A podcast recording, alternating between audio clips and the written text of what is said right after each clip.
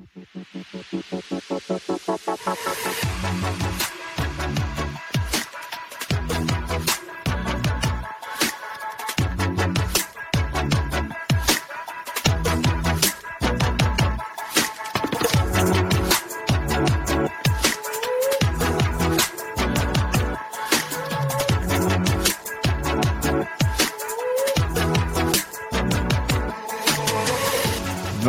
Velkommen til Norsk Riktigskasting, og for første gang live, ikke live da, men også nå eh, som en AV-produksjon, audio-video. Vi er da eh, den første episoden, det er ikke den første episoden, jeg tror vi har gjort det før også, eh, via Disc Network, nei, Disc Network, Disc eh, Valley.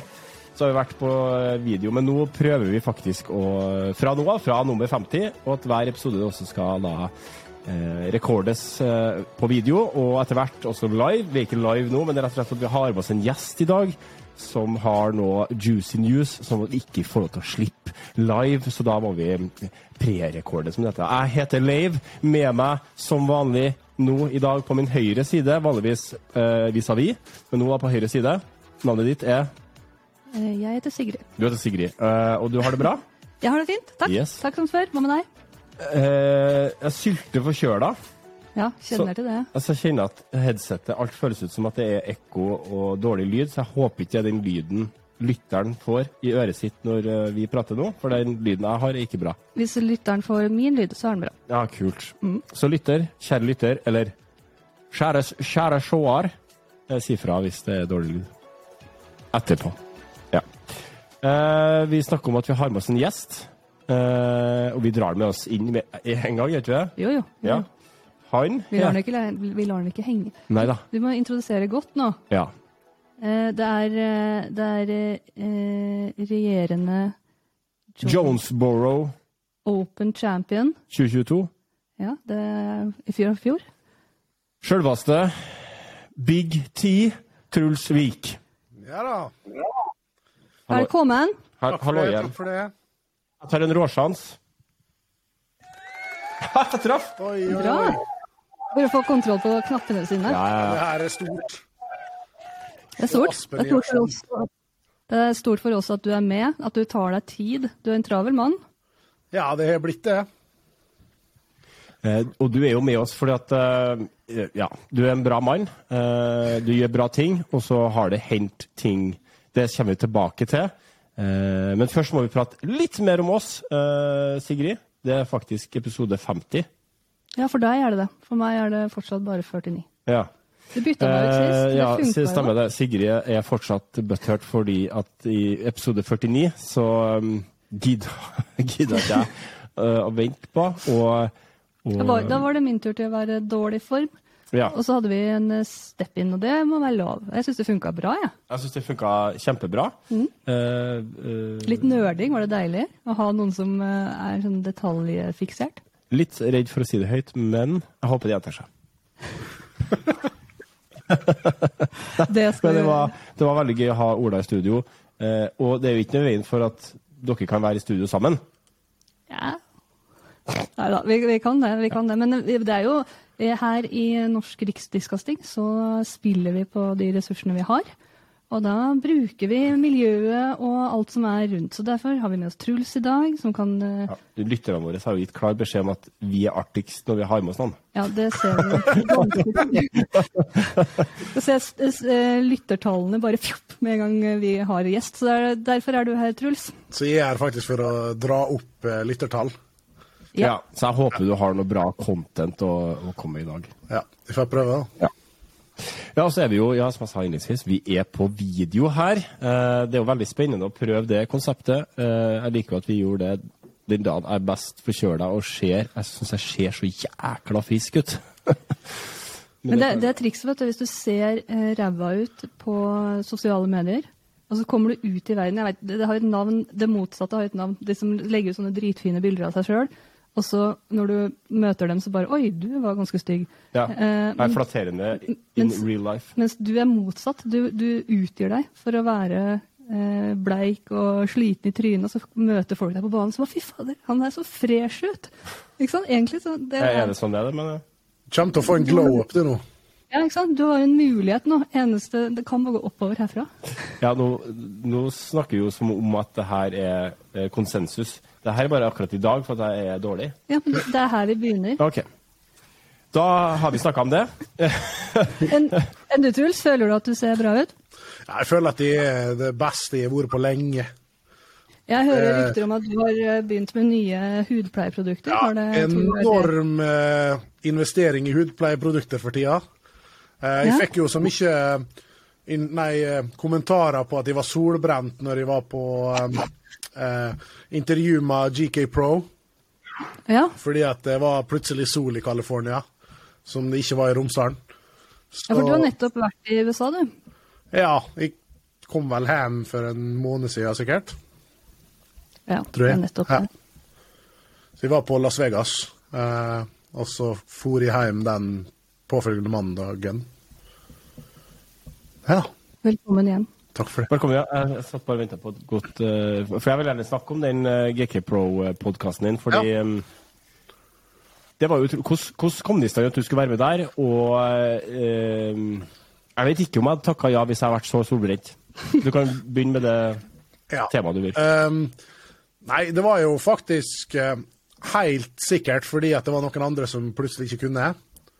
Og så fikk jeg telefonen med eh, Luke fire timer før de skulle spille inn, om jeg hadde lyst til å komme. Så på det tidspunktet så visste ikke jeg at det skulle være noen andre her.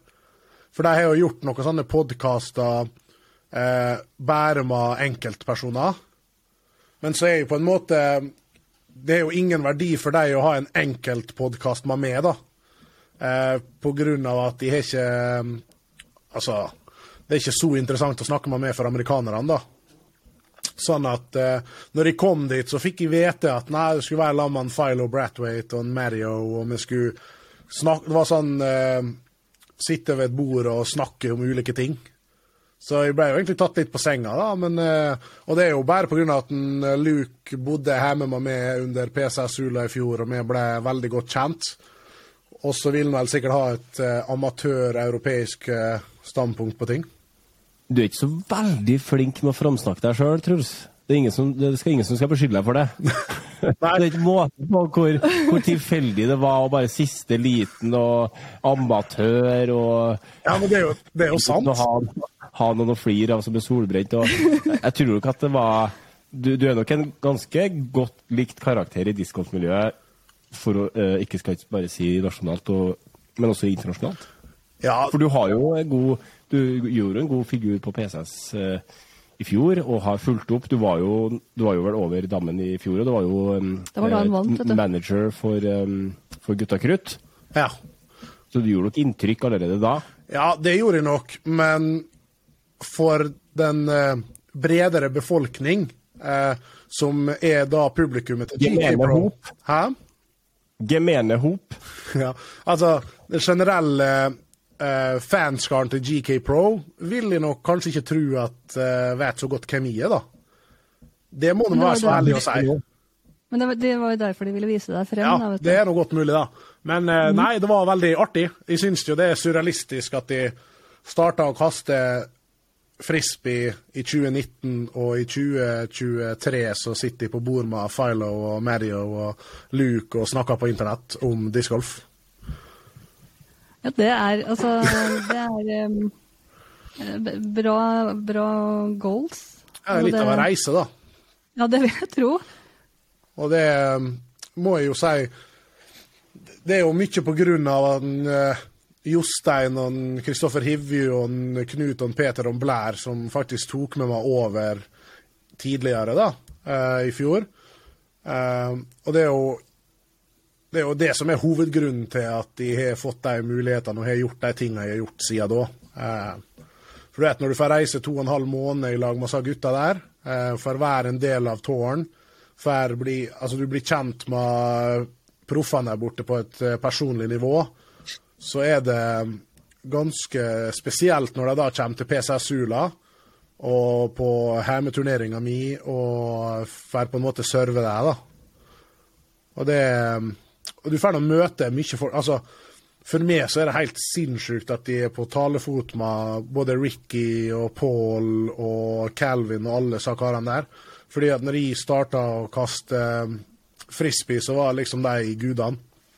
Det er jo det for så vidt ennå, det må jeg si. Men uh, uh, ja. Nei, det er bare helt surrealistisk, egentlig, hele greia. Men du starta i 2019, det er nå skarve tre og et halvt år siden. Du er nesten korona... Ja, rett før. Barn av korona. Discgolfbarn av korona. Ja. Eh, og så har du vært team eh, Nei, altså manager for eh, Blær og Peter og Knut eh, i fjor. Ja.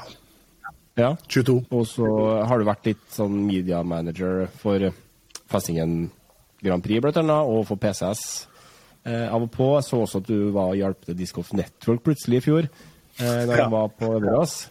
Eh, men, men, men sånn eh, Og du, du vant jo eh, Jonesboro, var det?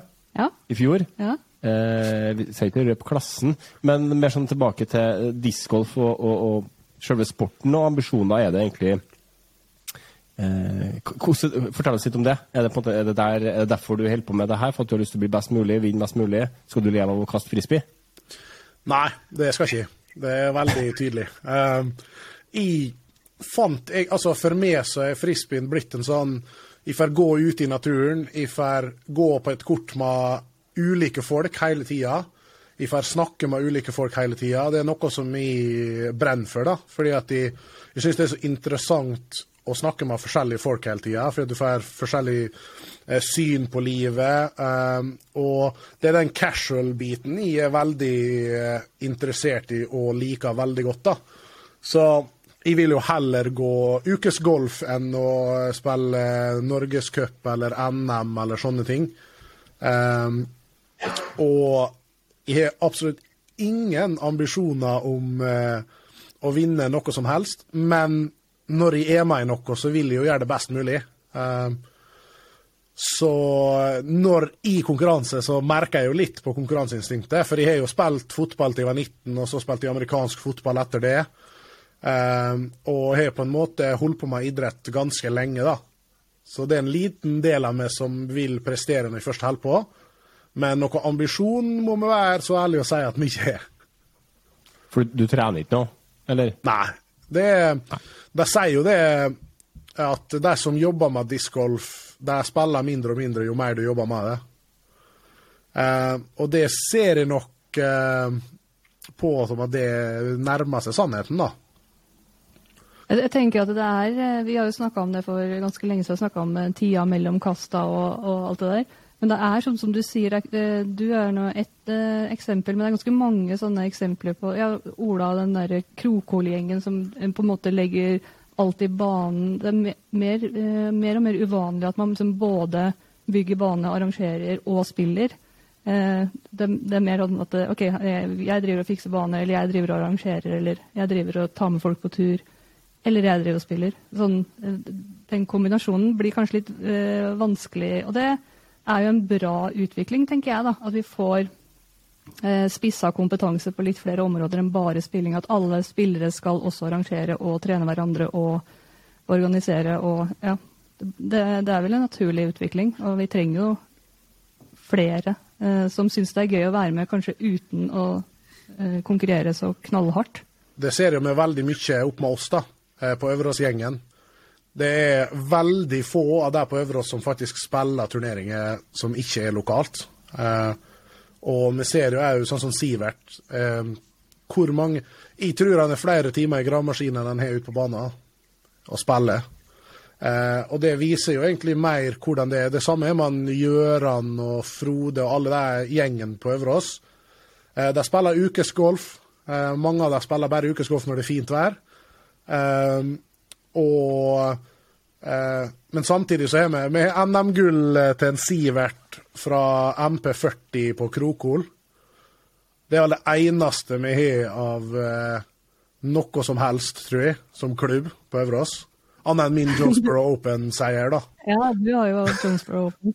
Jeg bruker jo, jeg bruker jo dra den i, så mye som jeg kan når jeg dummer meg ut på ukesgolf, da, at de har International PDGA win, og det står på eh, PDG-en min. Og det er, jo, det er jo fint, for de bryr meg egentlig ikke om det, så da er det fint at de kan være litt sånn cocky når de går på ukesgolf. Det er bra. Ja. Um, greia at jeg, jeg har Jeg hører dårlig, vet du. Så jeg, jeg bare soner litt ut, for at jeg må konsentrere meg så gjerne for å høre.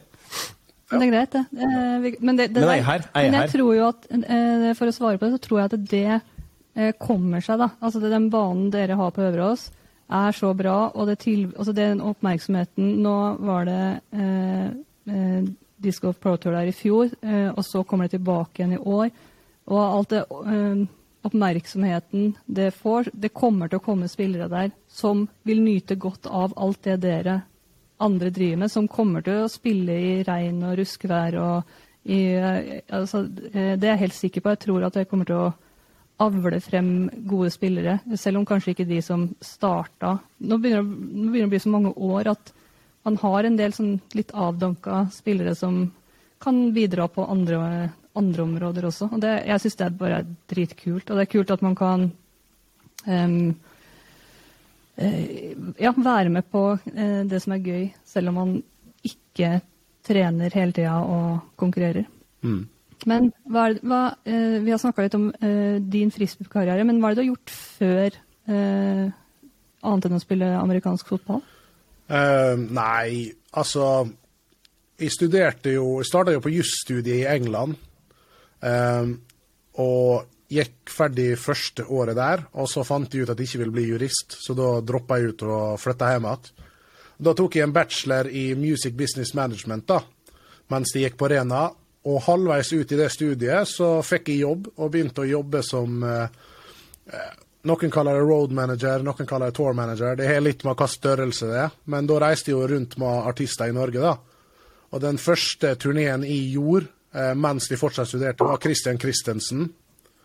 Eh, så vi reiste jo rundt eh, på en sånn høstturné der, da. Og så har jeg vel egentlig vært tour manager i musikk siden den tid. Og så kom jo covid.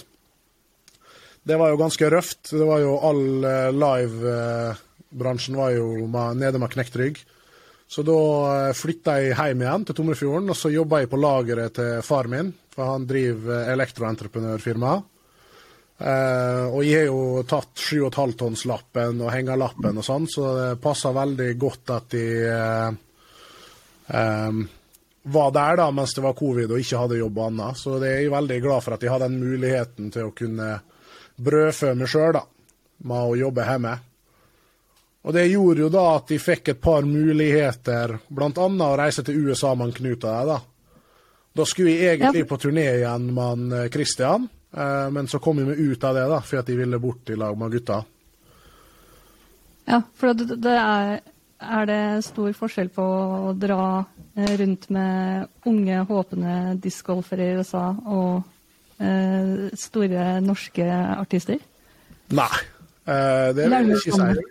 Eh, det er på en måte Jobben er ganske lik. Eh, du Det er jo det å legge til rette for at de skal ha det best og enklest mulig, og ta vekk en god del sånne eh, ting som eh, tar tid, og som kanskje irriterer deg, eh, etter best mulig måte. Den største forskjellen er jo at vi bodde i bobil, så vi var oppå hverandre hele tida. Det er ikke på turné, da. Der bor vi på hotell og har egne rom. Eh, sånn at du får mye mer plass. Eh, det fikk jo ikke vi på tur. Eh, og da har du i tillegg tre atleter som presterer ulikt, eh, som Én en er kanskje misfornøyd, en er helt nøytral og en er fornøyd, og det rullerer fra uke til uke. Um, og det gjør Da at blir du litt sånn sånn mentalcoach òg, eller? Hæ? Blir du litt sånn mentalcoach oppi det hele? En psykolog? Det er mer psykolog enn mentalcoach, kanskje. Eh, det er jo det å kunne Angrip korga!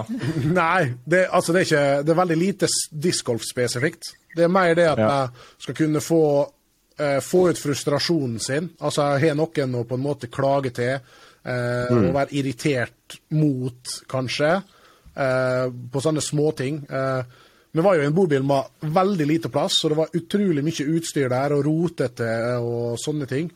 Og hvis det går dårlig, og du er irritert, så er sånne ting problematisk. Da er det lettere at jeg får støyten, da, enn at det er en spiller som får det, når vi er tre stykker på tur. Så det er litt sånne ting, da. Eh, prøve å hjelpe til at eh, hele, hele miljøet er bra, da. Eh, for uansett hvem det er. Og det hjalp veldig, for vi reiste jo en god del av man Linus Karlsson og Max Regetnig, svenskene.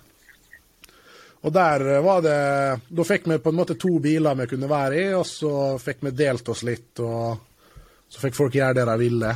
Og det hjalp veldig, da. Og det var i fjor. Ja. Det var Og nå, eh, nå som sagt, du var i eh, Las Vegas eh, nå. Du spilte også? Ja. Og så var jeg i GMC i høst. Ja. En liten tur. men den siste turen nå, ja. når du var over dammen Det er jo ja, det er jo flere grunner til at du er med oss her i dag. Men en av de store grunnene er jo fordi at når du var over eh, nå i februar, var det? Ja. Så, så skulle du jo ut på um, uh, ta noen prater. ja. Kan du dele litt? Del litt. Ja, det er jo eh, ingen tvil om at jeg har, siden jeg var der borte med Knut og Peter og Blær, så har jeg prøvd å få fulltidsjobb innenfor discgolf. Um, og jeg utforska ulike ting. Hadde, fikk et veldig godt forhold til pro-turn mens de var på uh, Øverås og Sula, eh, for jeg hjalp dem mye med mediebiten.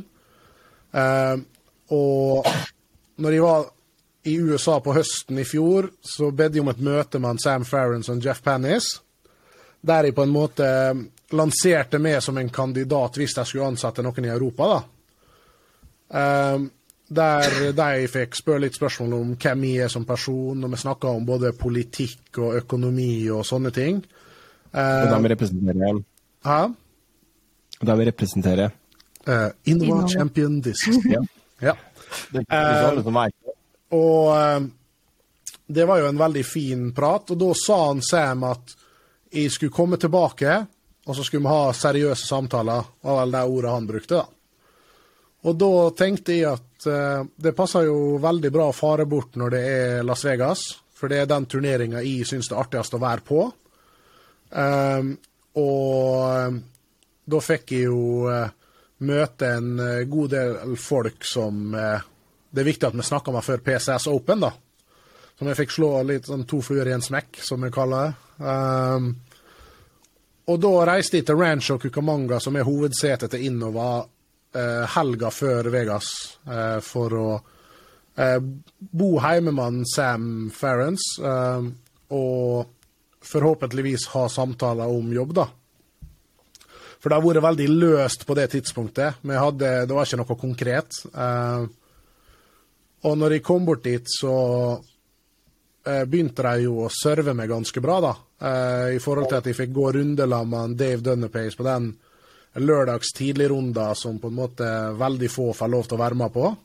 Som da tydeligvis er en del av Innova Hva heter det? Sånn eh, Velkommen inn i aller, aller helligste greier. Innåpen. Ja. Eh, og ja, så utvikla det seg egentlig, og det var, var ikke noen seriøse samtaler, for på det tidspunktet så har jeg eh, blitt kontakta av eh, Proturn. For de var interessert i å eh, muligens ansette meg som staff member i Europa, da. For de kommer jo over med en god del folk i forhold til filming av Eurotour-events, i hvert fall i begynnelsen. Så plutselig så satt jeg der fra å ikke ha noe som helst eh, jobbmessig til å ha to eh, Delvis to tilbud, da. Jeg hadde vel egentlig ett tilbud og ett som var usikkert. Og så fortsetter det i Vegas, og da fikk, vi, fikk jeg møte Joe Rotan, som er teammanager i Innova. Og fikk snakka med han, og fikk hilst på egentlig hele gjengen der. Og da eh, ble det veldig fort seriøst. Eh, og så eh, snakka jeg med Proturn, og så fikk jeg tilbud med Innova etter hvert. Og eh, da var det liksom Nå måtte jeg finne ut om jeg ville være med Innova, eller om jeg ville være i proturen, eller hvordan det egentlig blei. Så eh, Nei. Så det var veldig spennende dager. Hva var tilbudet du fikk fra Innova da? Jeg fikk eh, tilbud om å bli deres European Team Manager. Eh, det vil jo da si at de skulle overse alle de europeiske sponsa spillerne deres, ambassadører og sånne ting. Eh, og at de skulle eh, serve distributørene de har i Europa, da. Eh, som på en måte en forlengelse av en Sam Farrance. Ja, og, og det takket du Ja, det blei det. Ja. Eh, Ja, det- Så 1. april eh, Vi måtte dra det ut av det. Ja, ja, ja. Må, må la dere vente litt, da. Men har du, er, det, er det en jobb du har funnet opp sjøl, eller er tar du over for noen? Nei, det er, det er ingen som har hatt den stillinga før eh, i Innova.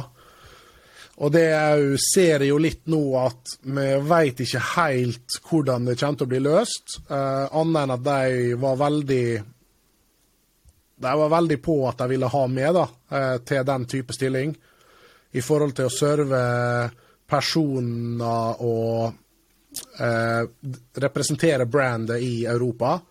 Og så hjelper det jo at de har en tett tilknytning til PCS Open, som er eh, den største turneringa de sponser i Europa, da. Men det her blir eh, Du blir den første Innova-ansatte i Europa. Ja. Ja. Det er jo litt, Eh, det er litt teknisk, da. Um, Ja. På grunn av eh, skattemessige eh, års, årsaker og sånn, så er jeg vel um, En contractor. Ja, Ja. er nok det. Men uh, jeg har jo et eh, kontraktuelt forhold med Innova Champion Disk, da. Og skal være deres det, European Team Manager. Det er jo helt rått at vi har uh, Altså, bare tenk på hvor vi var hen norsk discgolf for tre-fire år siden, og hvor vi er hen i dag, med en Elite Series i den første Elite Seriesen i Europa. Eh, Discgolf Network. Vi har eh, flust av eh, norske spillere. Vi har en europeisk Eurotour-vinner i Anniken Steen. Vi har No Big T som Innova Europe Manager, Europe Team, Chief Head of Europe, Innova Champion Discs, Big T. Man blir stolt. Altså, det er, det er, og- du var litt inne på det helt i starten, det der med at man Det er ganske korte veier når du først når den ballen først begynner å rulle, så er det liksom ikke så lang vei fra det å arrangere den turneringa til at du står og er kompis med de største gutta, og så, og så plutselig så ligger du og sover i senga til Sam Farrells. Liksom. Det, det, er, det er ganske kort vei når du først um, Jeg vil poengtere at jeg ikke sov i senga til Sam Farrells, da. Det er, det er veldig viktig. Nei, men uh, helt uh, seriøst så var jo det Men det er sånne småting, da. Uh, han Sivert Øverås og han, eh, Thomas Dolpen, var jo over eh, på, eh, i Las Vegas. Eh, og da var det jo sånne ting som at de Jeg var der, og de gikk lag med meg, og så så noen Paul McBeth var i telefonen. Og så så han meg, og så gikk han liksom bort og fistbumpa meg, da. Eh, liksom anerkjente at vi var der, men han hadde ikke tid til å snakke, så han bare gikk. Og det er jo egentlig helt sjukt når du kommer fra Tomrefjorden. Uh, the- goat, liksom. Uh, Ja. så, så det er sånne ting. Og når jeg kom på med flyet den fredagen før Vegas, så hadde jeg ingen tanke om at jeg skulle være fulltidsansatt i discgolf. Og når den veka var ferdig, så var det i boks. Ja, det er ganske rått. Og der er det igjen det som Leir sa i stad. Du har jo åpenbart noe å tilby, og du har jo et bakgrunn fra å, å kunne organisere ting og se hva som skal til. og Jeg tror, tenker jo at det, det er fornuftig av dem å hente deg inn, og så må du bare tørre å, å brife litt mer. Det klarer du sikkert når du skal jobbe sammen med amerikanere, for da får du god trening på det. Ja, det er jo Jeg har jo fått høre det hjemme at uh, de syns jeg er blitt uh, amerikanifisert. Eh, på måten jeg skriver på både Instagram og eh, sånne ting. Um, Need a bigger car. ja, men det er jo litt sånn Kommer fra eh, Jantelovs-Norge og sånn, og jeg har fått, siden jeg studerte i England og har mye folk som er venner med meg på Facebook og følger meg på Instagram, som er fra engelskspråklige land, da, så må jeg på en måte legge Føler jeg i hvert fall sjøl at jeg må legge det ut på engelsk. Og da er jeg ferdig liksom fra broren min og bare sånn Å, Mr. Big America og den biten der, da. Eh, men det noe det viser jo seg at eh, det er sånn livet mitt er blitt, og nå eh, blir det jo bare mer og mer viktig. Ja, det eh, var jo fornuftig, da, åpenbart. Ja, det har jo Eh, funka.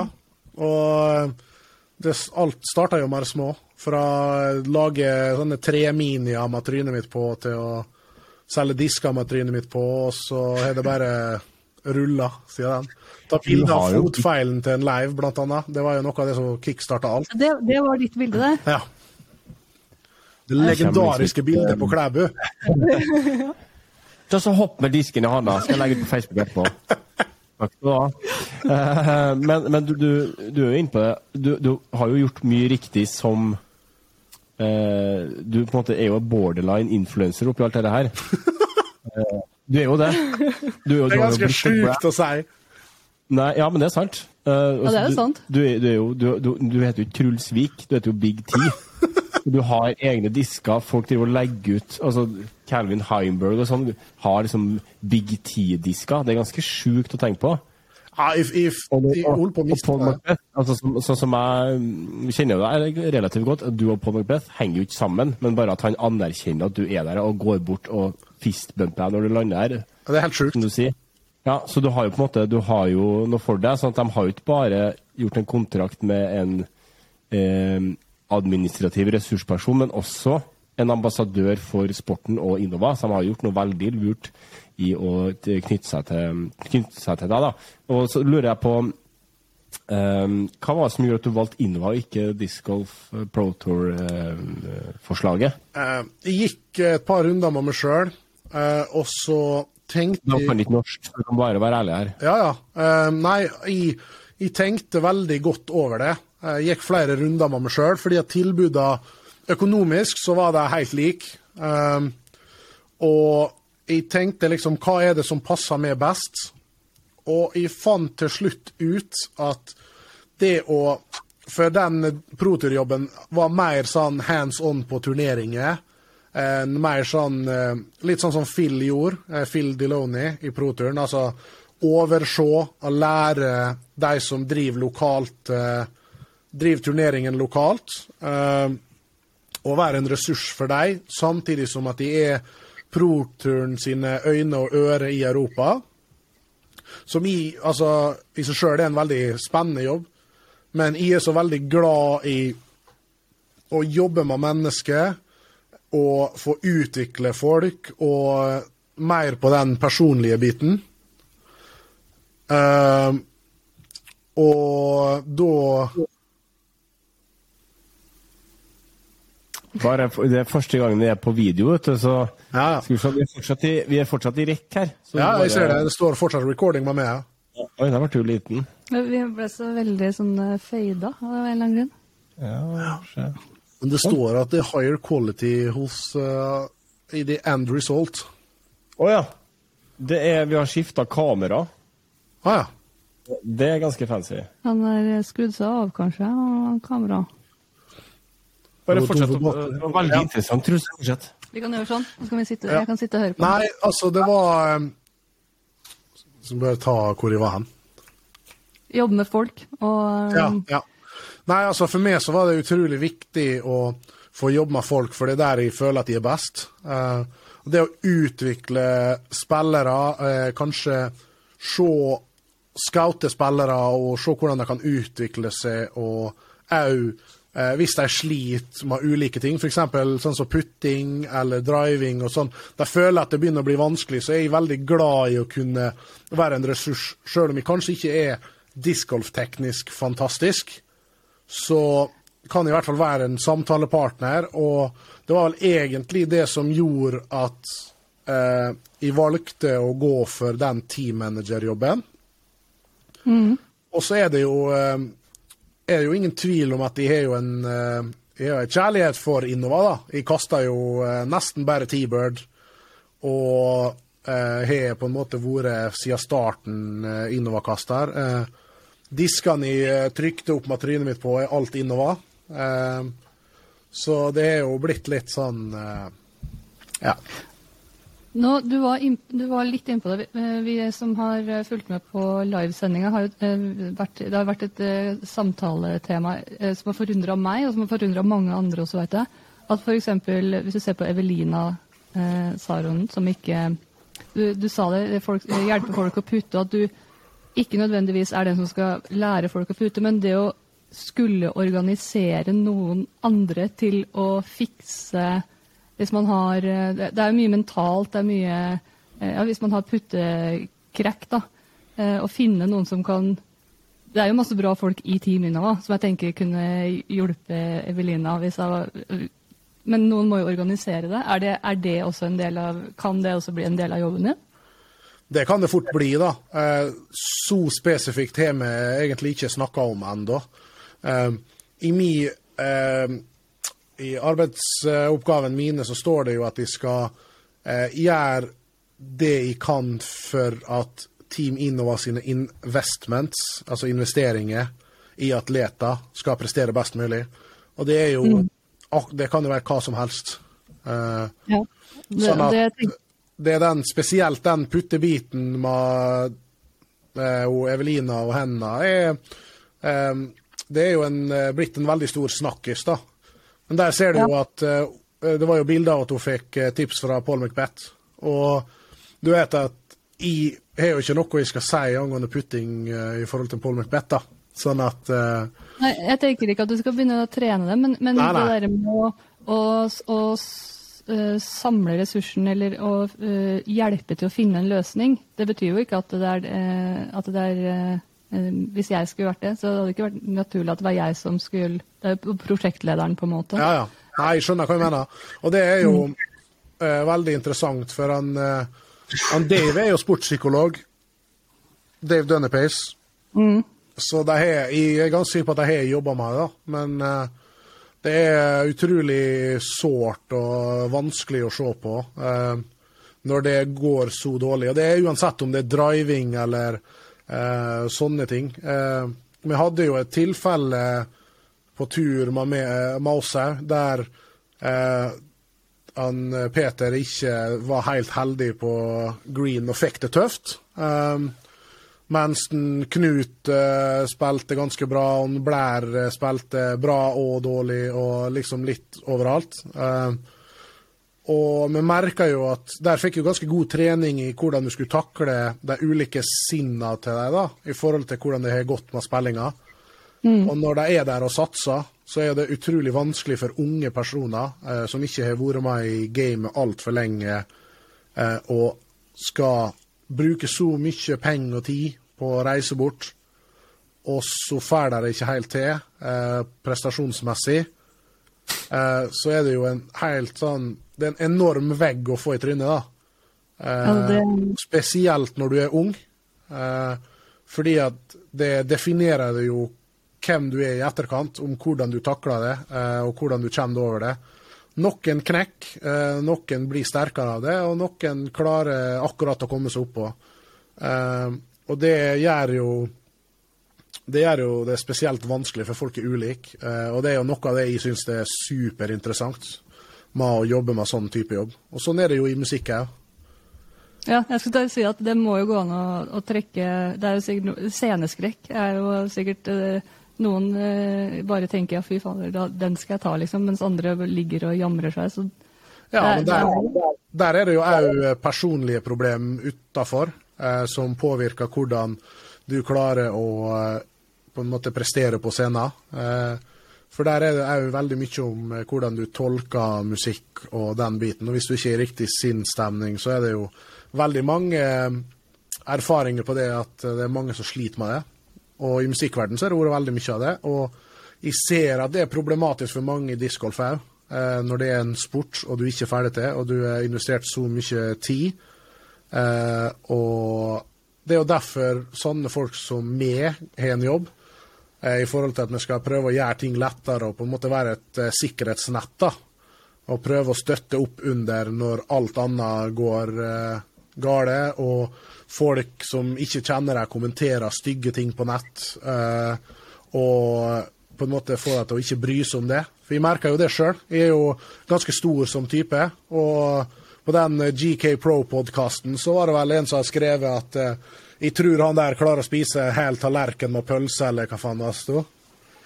Så det er liksom sånne ting, da, uh, som eh, med dagens eh, internettverden så må en eh, passe på at en ikke blir sånn påvirka.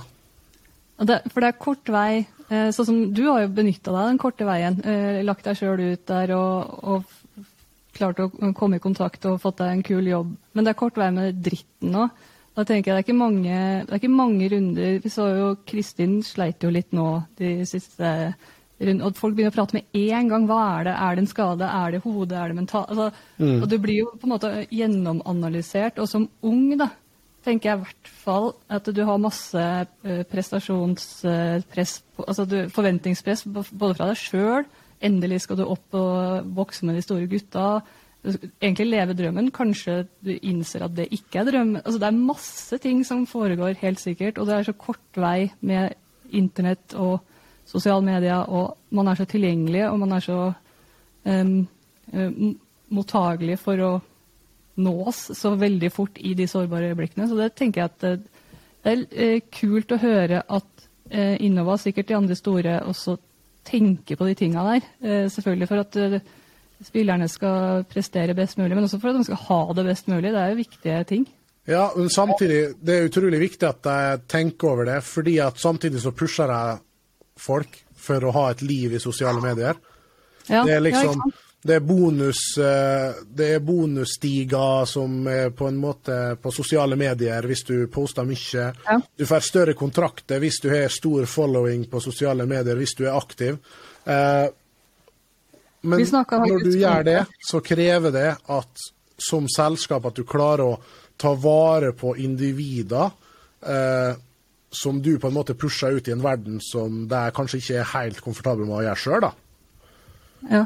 Vi, snakka om det i stad, at man, man må liksom for å være stor disco, altså store discgolfspillere som ikke er på så på, Vi nevnte vel James Conrad, det har vel kommet seg inn på sosiale medier nå. Og i Calvin. Norge Øyvind, ja, Øyvind Jarnes, Calvin. Altså, du må bare inn der, og du må eh, selge det produktet du sjøl er. Ja. Så det er fint at du tenker sånn, da. Er du med, Leiv? Eh, Hjemme? Skal vi ta noen spørsmål fra lytterne? Ja, jeg skal, først skal du ha et spørsmål fra meg. Um, OK. hva var det da? Dere, dere prata så mye. Jeg måtte bare sette Husk å spørre om det. Husk å spørre om det. Bare. Og det er veldig interessant det du sier der, Truls, at uh, mentale er ja. Skal ikke stoppe en god samtale, Leiv. Nei, men nå stoppa det et veldig godt spørsmål. Hva det var da? Her ble det god radio Nei, kanon.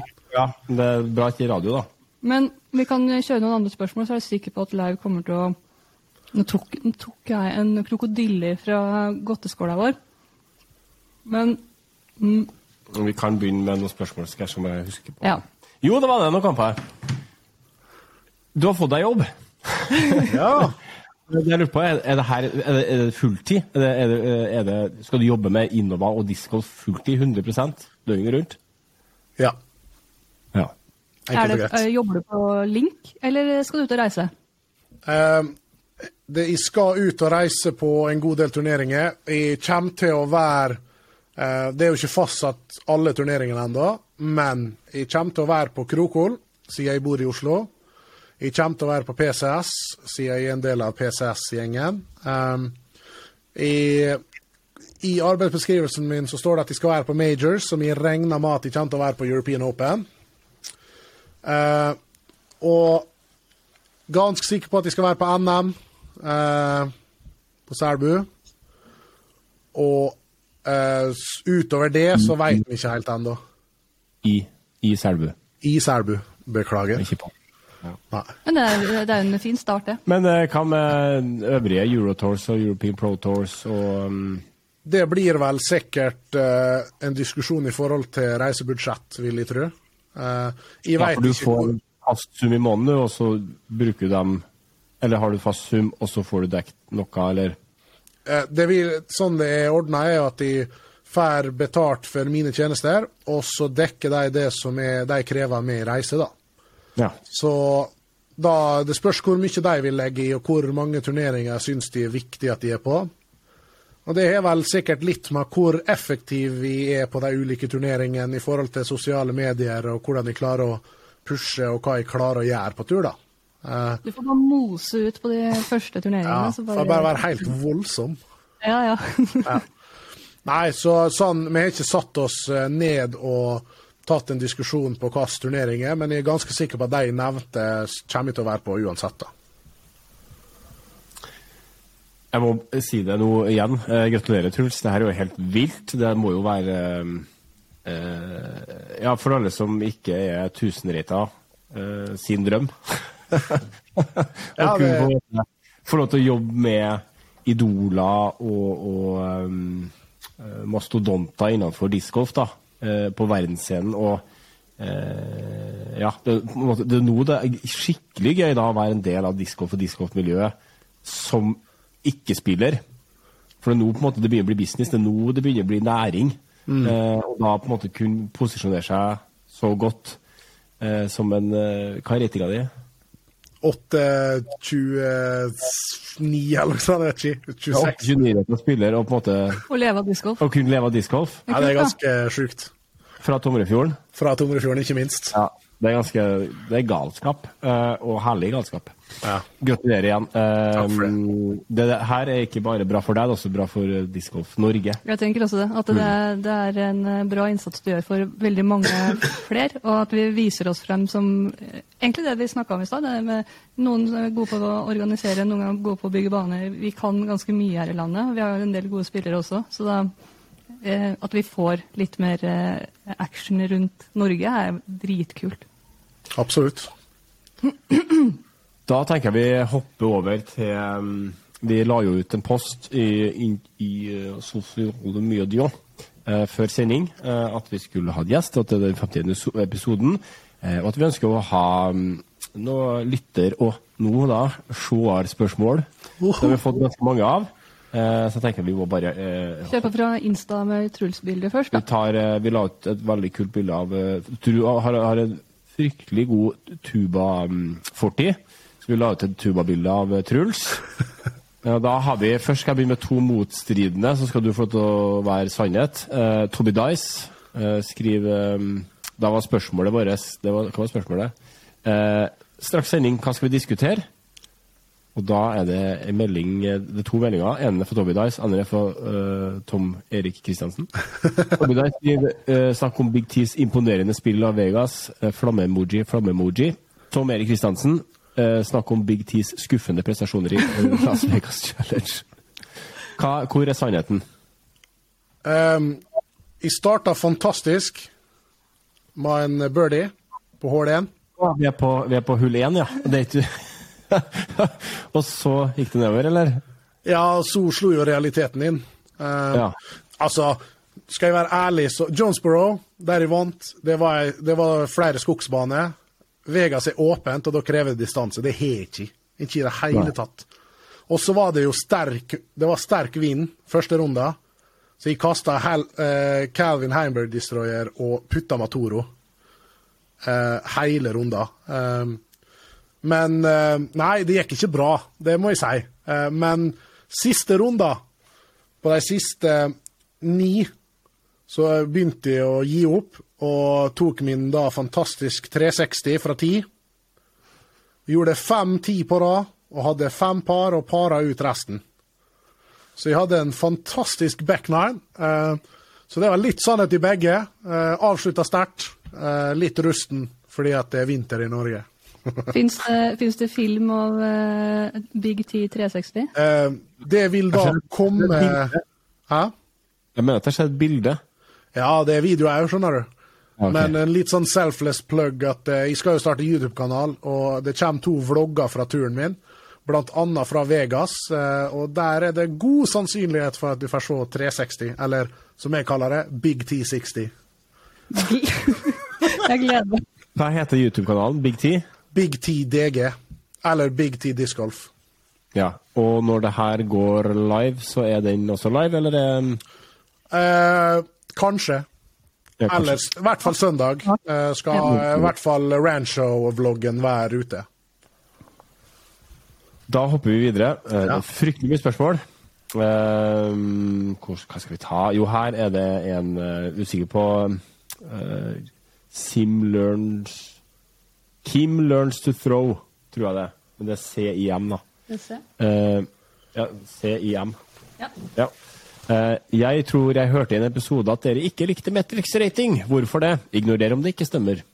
Uh, det er vel kanskje bare jeg som har en sterk mening om det her, men nei, det liker jeg ikke. Uh, og spørsmålet var hvorfor?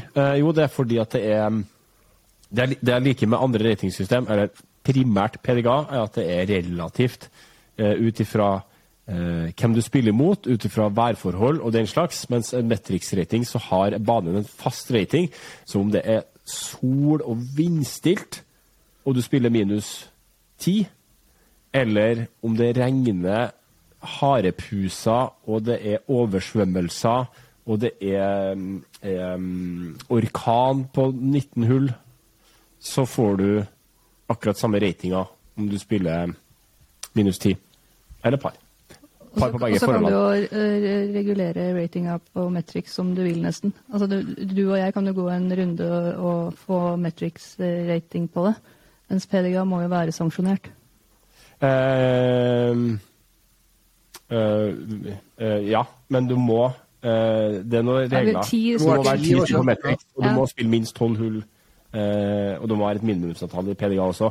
Men det meste der med at ratinga på en måte er statisk på Metrics og, og dynamisk på PDA, som gjør at det er to vidt forskjellige systemer som du Jeg mener eh, til en viss grad så kan du bruke Disc of Metrics i startfasen, hvor, det, hvor du har lyst til å se endring da, og framgang fra dag til dag, som ikke har på en måte som ikke Det er ikke så farlig hva ratinga er, bare at du ser om det er framgang eller ikke.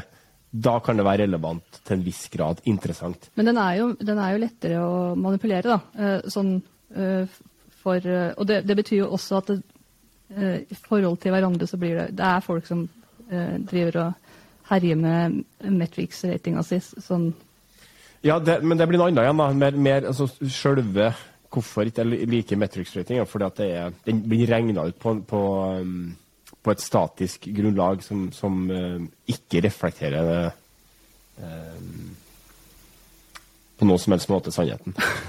For å være litt, uh, litt knallhard, da. Men jeg, Det hadde, det hadde vel vært eh, en litt annen diskusjon om vi hadde hatt like mange turneringer som de har PDGA-turneringer, som de har i f.eks. Eh, i USA. Fordi at sånn som i Norge så er PDGA det er så, mye, det er så lite turneringer at veldig mange klarer ikke å spille nok til at de kan se noe endring i det. Og hvis vi hadde hatt det, så tror jeg at diskusjonen hadde vært helt annen. For jeg tror det er mange langt ned på ferdighetslista som er veldig glad i å ha Matrix pga. at de får rating på sin lokale bane, og de får se litt framgang og oppgang og sånn. Og det er vel eneste grunnen til at et sånt ratingsystem passer veldig bra lokalt. Og så er det bra at det kreves til, eh, sånn som PDGA, da, i forhold til registrering og den biten og sånn. For vi har jo Det har vært lenge for lite turnering i Norge som er PDGA sanksjonert. Helt klart. Og nå uh, har de jo uh, har lagt mer til rette til det også, med PDG Leagues og, og senke kravet for, um, for C-tier. Og nå diskuteres også å legge til en fjerde tier, om det da skal være en D-tier eller hva det enn blir, uh, hvor det ikke kreves påmeldingsavgift, nesten. Nei, det er Eh, veldig uh, positivt. Få mer, eh, mer sanksjonerte turneringer. Uh, og det er jo, da får de bort det tullete Metrix-systemet. altså Metrix, er- Metrix i seg sjøl er helt greit som eh, bruk til ukesgolf og sånne ting, men selve ratinga, den den har noen brukt for mye tid på å utrede noe som eh, i min bok ikke er godt nok. T-signs, viktig å ha med og ikke. Viktig å ha ja, Hva som er viktig å ha med og ikke på et T-skilt. Eh, og baneoversikt. Her er fra Hallingstad 89. Hva, hva er spørsmålet? Hva er viktig å ha med, og hva som er ikke viktig å ha med på et eh, T-skilt? På et T-skilt Ja. Og baneoversikt. og baneoversikt. Ja. Nei, det er ganske viktig at det står OB der, da.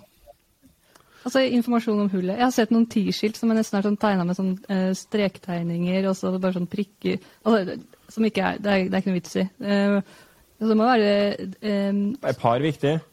Nei, ikke sånn Altså det er jo viktig hvis du Det er, ikke, det er ikke det første jeg tenker. Mer viktig Er hullnummer viktig? ja. Hullnummer er viktig. Lengde er viktig. Lengde er viktig? Høydeforskjell er ikke så viktig. Høydeforskjell er ikke viktig. Eh, hva sa du for noe, Leiv? Spesielle regler. OB, Mando. Ja, Ja. det er viktig. Eh, at det skal være fargelagt? Nei. Nei. Det er ikke så viktig for min del. Fargelagt. At det skal være farger, det kan like godt gjøre- være svart-hvit. Ja, da går vi videre. Jeg kan ikke ta deg seriøst. Trenger ikke være farge. Nei. Han er en fargeklatt, så verden kan, rundt kan være Er du fargeblind? Nei, jeg er ikke det.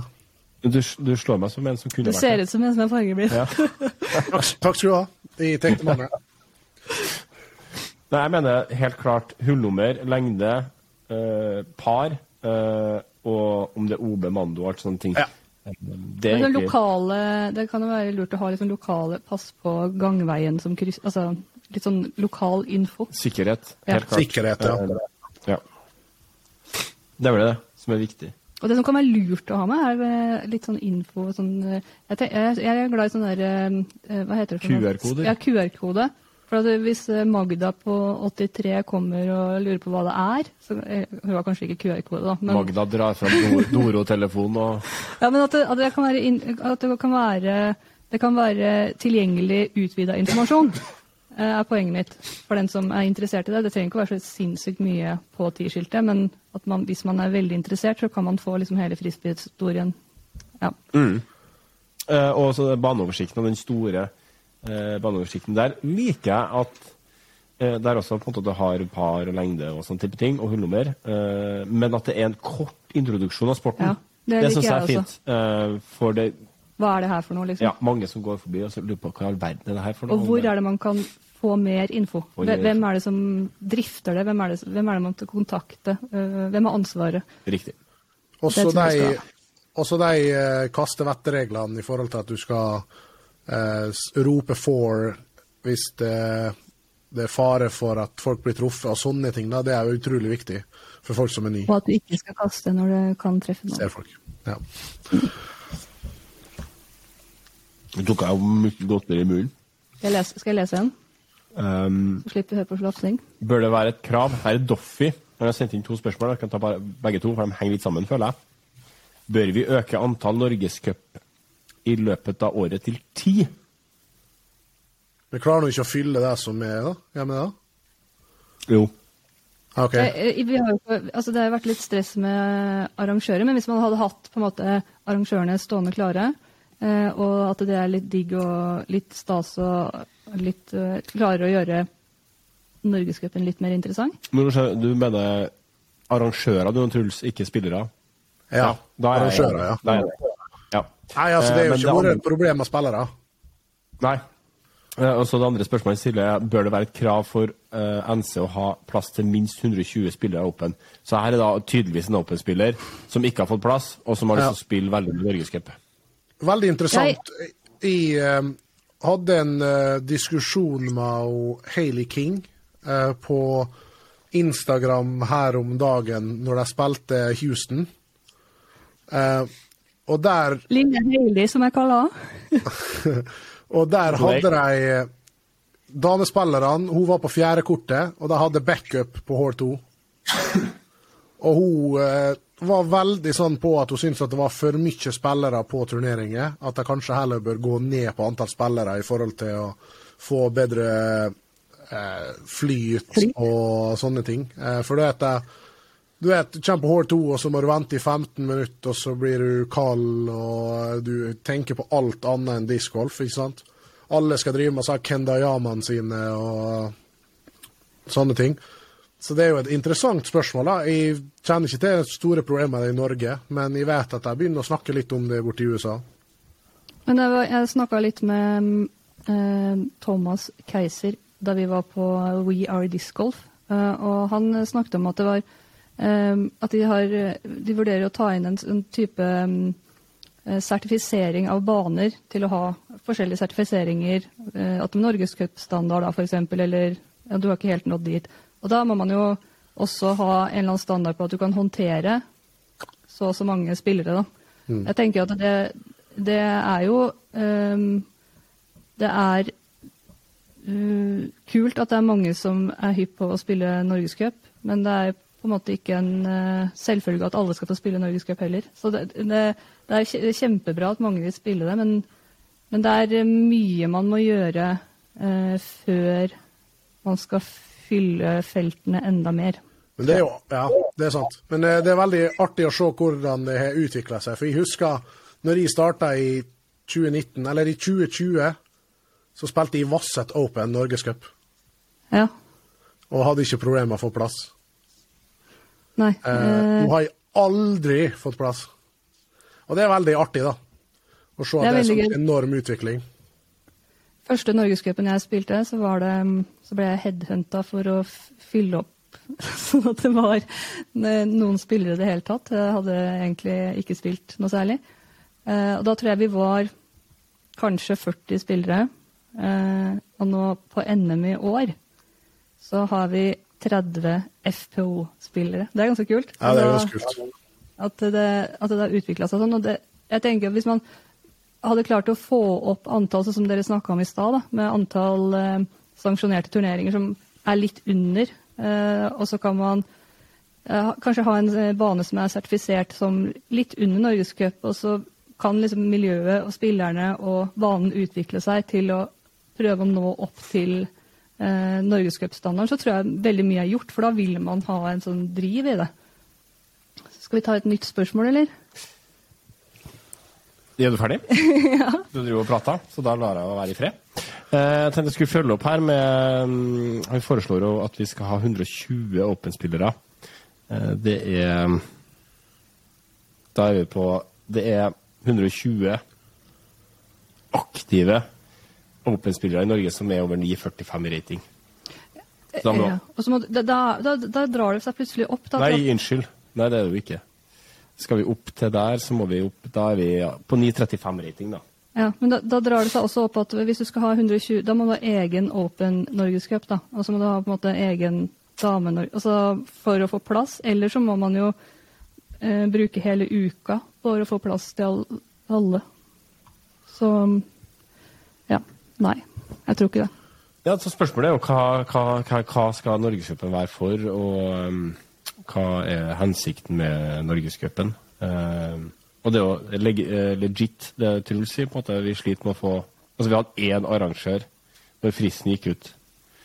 Um, så um, Men uh, absolutt. Uh, jeg har jo preacha lenge at uh, jeg kunne tenkt meg at uh, MPO og FBO blir skilt ut fra master og junior, fordi begge feltene egentlig blir, blir så store eh, at de bør få mer fokus. At, for nå går det på kompromiss. Nå er det tastaturkrig. Uansett hvilken klasse. Jeg syns- Jeg Det har synd på, synes det synd på spesielt eh, aldersbeskytta klasser, som på en måte får et forsvinnende lite antall plasser. Mm. Eh, og hvor, hvor kanskje frisbee eh, Er mer den kosen. mer kosen og mer samholdet, men som er viktig eh, altså, Det er jo dem, ofte de spillerne som er, er på en måte ryggmargen i klubbene og, og sørger for at Discgolf Norge AS går rundt. At de sliter med å få plasser da, og ikke får lov til å reise rundt og, og um, ivareta de gode vennskapene og um, samholdet som har holdt dem uh, i sporten i, i flere tiår. Absolutt. Så det, det er min uh, my two bucks, eller hva man sier for noe. Noe må gjøres, og det er mye bra som kan gjøres, er eh, kanskje konklusjonen. da. Ja. Ja. Eh, Tor um, Tom Erik Kristiansen. Sten. Tom Erik Sten Kristiansen. Hva, hva blir riktig her? Tom Erik Sten Kristiansen. Ja, det tror jeg. Dritsikker ut. Kristiansen Steen, tror jeg den heter. Kristiansen Sten. Han skriver i hvert fall da hvordan satser de ulike norske spillerne. Hvem satser på Norgescup, hvem satser på Eurotour, hvem satser på European Pro Tour osv. Så, så vi skal diskutere hvordan de satser på Hvordan satser de. Ja, det er jo interessant. Eh, eh, eh, hans bedre halvdel, Anniken Steen, eh, satser vel både litt på Eurotour og på Disco Pro Tour. Hun er i hvert fall utenlands, Ja. det kan man jo si. Og det er jo kult.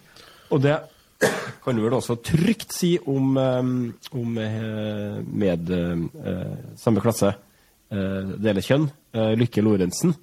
eh, som eh, satser ganske hardt i, eh, i statene. Har jo da en em, skulle si en statisk, en eh, amerikansk kjæreste, som gjør at hun ofte er der.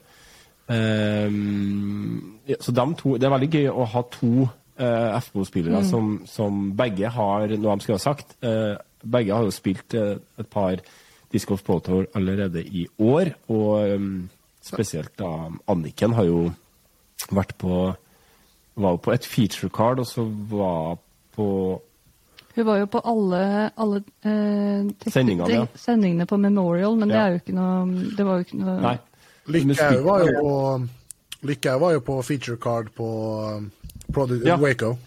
På Waco, ja. Stemmer det. Eh, så det skjer jo ting, Ja. eh, og det er utrolig gøy å se. Eh, FBO-spillerne våre har kickstarta sesongen, og så vet vi at det, at det kommer, eh, kommer noen MPO-spillere etter hvert. Eh, Kanskje Truls har noe inside her?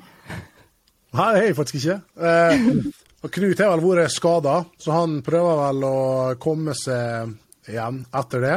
Uh, og han er vel Han skal spille litt i Europa før han skal prøve Jeg tror han har planer om å spille USA på høsten. Eh, forhåpentligvis klarer å kare til seg en USDGC-plass eh, på en qualifier. Um, og eh, ellers så vet ikke Blær skal eh, Blær er jo en av de kaller, kaller nesten norske, da. I, eh, de har tatt Han er under vingene mine. uh, han, er skal vel spille, han skal spille ganske mye i Europa, da. Både Eurotour og EPT.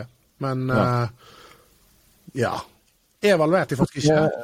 Morten Brenna vet vi jo eh, Han er jo veldig glad i den europeiske scenen. Ja. Eh, så han kommer til å satse Usikker på om han kommer til å satse på for Han spilte en god del eh, Europe, Eurotour. European Pro Tours i fjor. Ja. Ja, jeg Men, mener- jeg mener han spilte begge. Eh, og han eh, Ja, nå er ikke jeg sikker, men han vil i hvert fall eh, Tror jeg, da. gjøre det samme i år. For han eh, gjorde det jo bra i fjor. Eh, og er sulten på å bevise at han kan enda mer. Eh, Håkon Kveseth eh, vil jeg også tro. Han kommer sikkert til å spille en god del EPT, vil jeg tro. Ja, det er. Prodigy har vel lagt ganske god føring på eh, EPT, tror jeg. Eh, jeg når jeg snakka litt med Kevin Jones og Luke Humphries om PCS Open, så går det jo Turku Open samtidig, eh, som er et EPT-turnering. Eh, der veldig Eller det er jo ganske mange av eh, Prodigy-spillerne som skal spille det. Eh, både Isaac Robinson og Vino skal spille det, og sånne ting. Men en, eh, Kevin og Luke er vel pressa ganske hardt for å spille PCS Open, da. Så det er tydelig at Prodigy prøver å styre litt spillere til å spille EPT i år, da. Ja, jeg har um... Uten at de vet det helt sikkert. Må bare Ja. være veldig viktig å Jeg har hørt de samme ryktene er òg, på en måte, at, um, at uh, eierne bak EPT uh, har lagt trykk på, på teamspillerne til å prioritere um, EPT da, Ja. foran andre um, uh, turneringer. For vi går nok inn i en veldig viktig sesong for EPT. Uh, for uh, spørsmålet er jo om eh, kanskje uh, Protur skal begynne å flytte seg mot Europa òg. Og da er det jo eh, Det er jo ikke plass til tre. eh, og da må jo de inn en plass. Og da er spørsmålet hvem går ut, eh, og hvordan den eh, kabalen blir. Eh, så det er jo veldig spennende å se, og det viser jo bare at eh, EPT i år blir spennende å følge med på. Og de har òg De gjorde jo veldig mye bra. De fylte jo et enormt tomrom i Europa på turneringer. Og òg fikk på en måte litt nær noe kaller jeg bare en krig da, mellom Eurotorn og EPT i forhold til å eh, få flere gode turneringer i Europa, da, som er viktig for oss i forhold til å kunne få europeere til USA igjen for å prestere på toppscenen. Ja, det der blir veldig spennende. Det var, ikke helt, eh, det var, det var interessant, men jeg tror ikke vi har ikke nok kunnskap om spillerne. Men vi vet mye om tårene, tydeligvis. Ja. Eh, og det, Vi har jo masse andre spillere. Vi har jo um, Øyvind Jarnes, blant annet. Han vet jo på en måte um, Enten så er han jo på reisefot ut på havet. og Hvis ikke han er på havet, så er han jo glad i å reise og kaste frisbee. Eh, jeg er bare litt usikker på om han skal så mye over dammen i år. Og så har vi jo Ja, et det, var, det var snakk om to turer, tror jeg. Ja, jeg mener det, men jeg har- liksom ikke helt fått for jeg har ikke rukket å få prata så mye med han, for han er jo på sjøen ennå. Vi har jo EM i år også, og en del spillere som er klare for det allerede eh, i Open-gjengen. Ja. Så det eh, blir Nei, for jeg En husker, bra- Det var jo interessant, for sånn sånn Evald og Morten Kristiansen snakka vel tidlig om at de vurderte å reise bort i år. Eh, og de tok jo kontakt med meg eh, om jeg var interessert i å gjøre samme som jeg gjorde med en Knut og en Blær og en Peter. Eh, tidligere, eller det var vel i fjor høst, sent desember kanskje. Eh, men de har vel utsatt det. Eh, det hadde vært kult, da. For det, det er spennende spillere som er viktig for oss, og at de får vise seg fram. Ja, altså er det, jo, det er jo noe med å dra dit Vi så, eh, snakka jo om det i stad. Det, det å dra dit og kjenne på det. og uh, En ting er om man klarer det eller ikke akkurat der og da, men man tar jo uansett med seg masse erfaring uh, og kan bygge videre på det. og uh, ja, Så det, det hadde vært veldig kult å sette dem over der. Finner du noen nye Masse spørsmål. Vi kan ta et lettbeint et. Jon Brennen skriver hvordan sette seg gode mål for sesongen samt å nå dem. Eksempelvis høyere rating eller lengre distanse. Uten noe godt tilbud om treninga blir det ofte til at man går rundt på baner med venner og en annen fieldwork-økt. Hva tenker dere er en god plan for casual-runder slash fieldwork slash konkurranser gjennom sesongen som snart begynner? Truls? Nei, um, det jeg ser på som ganske viktig, er å kanskje legge inn at denne runda her, sjøl om det er casual med kompiser, så skal jeg spille turneringsspill, f.eks. At får du en tøff break, så går du ikke for alle Hail Marys sånn som du ville gjort når du spiller en casual-runde. At du på en måte spiller sånn som du tror gameplanen din ville vært. Eh, for å lære deg sjøl å takle ting eh, sånn til det daglige, da. Prøv en, prøve å gjøre det mer seriøst enn en vanlig casual-runde, sjøl om det er casual med kompiser. Eh, og så er jeg òg veldig fan av eh, at folk eh, på casual-runde snakker mye, litt for mye. Eh, kanskje Dette her er litt sånn hot og eh, en sånn eh, Hva det heter heter Ja.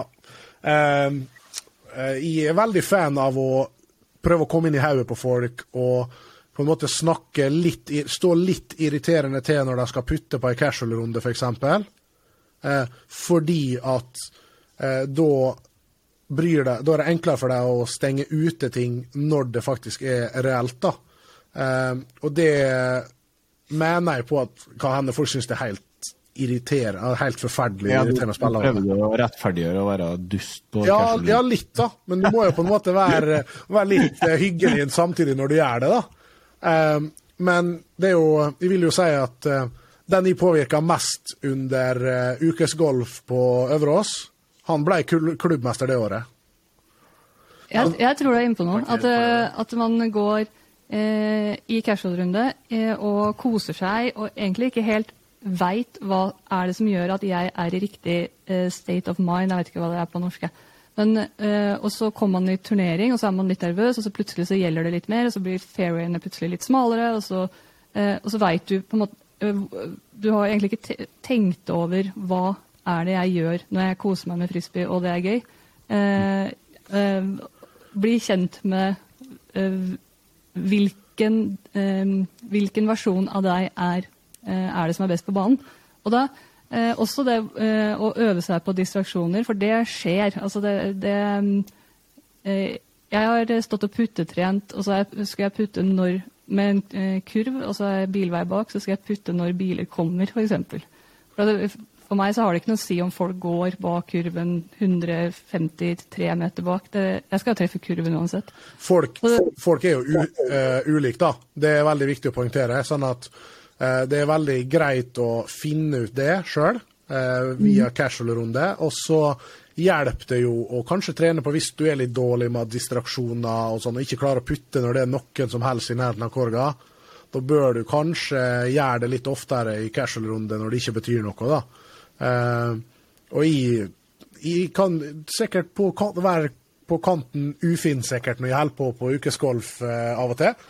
Men uh, får jeg beskjed, så går jeg jo selvfølgelig vekk, da. Men det er liksom den og eh, jeg, føler at det er for å utvikle folk, da. Uh, og jeg har sånn aldri hatt to fieldworks, kanskje, i løpet av min korte, elendige discgolfkarriere. Men eh, jeg går bare casual-runde. Men jeg gjør nå noe ut av det, da, i hvert fall. Det er liksom, Jeg går ikke bare og kaster uten noe tanke på det. Jeg tenker at uh, um, hvordan sette seg gode mål for sesongen og nå dem. Én uh, er å sette seg mål som er oppnåelig. Um, at ikke, på en måte, hvis du kaster 80 meter, så skal du ikke ha et mål om at du skal kaste 170 meter ved års slutt. Nei. Det må på en måte være noe som er innenfor rekkevidde. Uh, og det må også ses i sammenheng med, med, innsats, og da kommer det her med disiplin inn. Um, Jon skriver jo her at uten noe godt tilbud om treninga, blir det ofte til man går runder på banen med venner og en annen fieldwork-runde. Så allerede her så er det på en måte merka jo Eller har jeg jo lyst til å smekke til Jon litt og si på det du, Hvis du ønsker å ha oppnå noen mål og har noen ambisjoner, så er du nødt til å legge inn en innsats og ha disiplin og følge opp det der.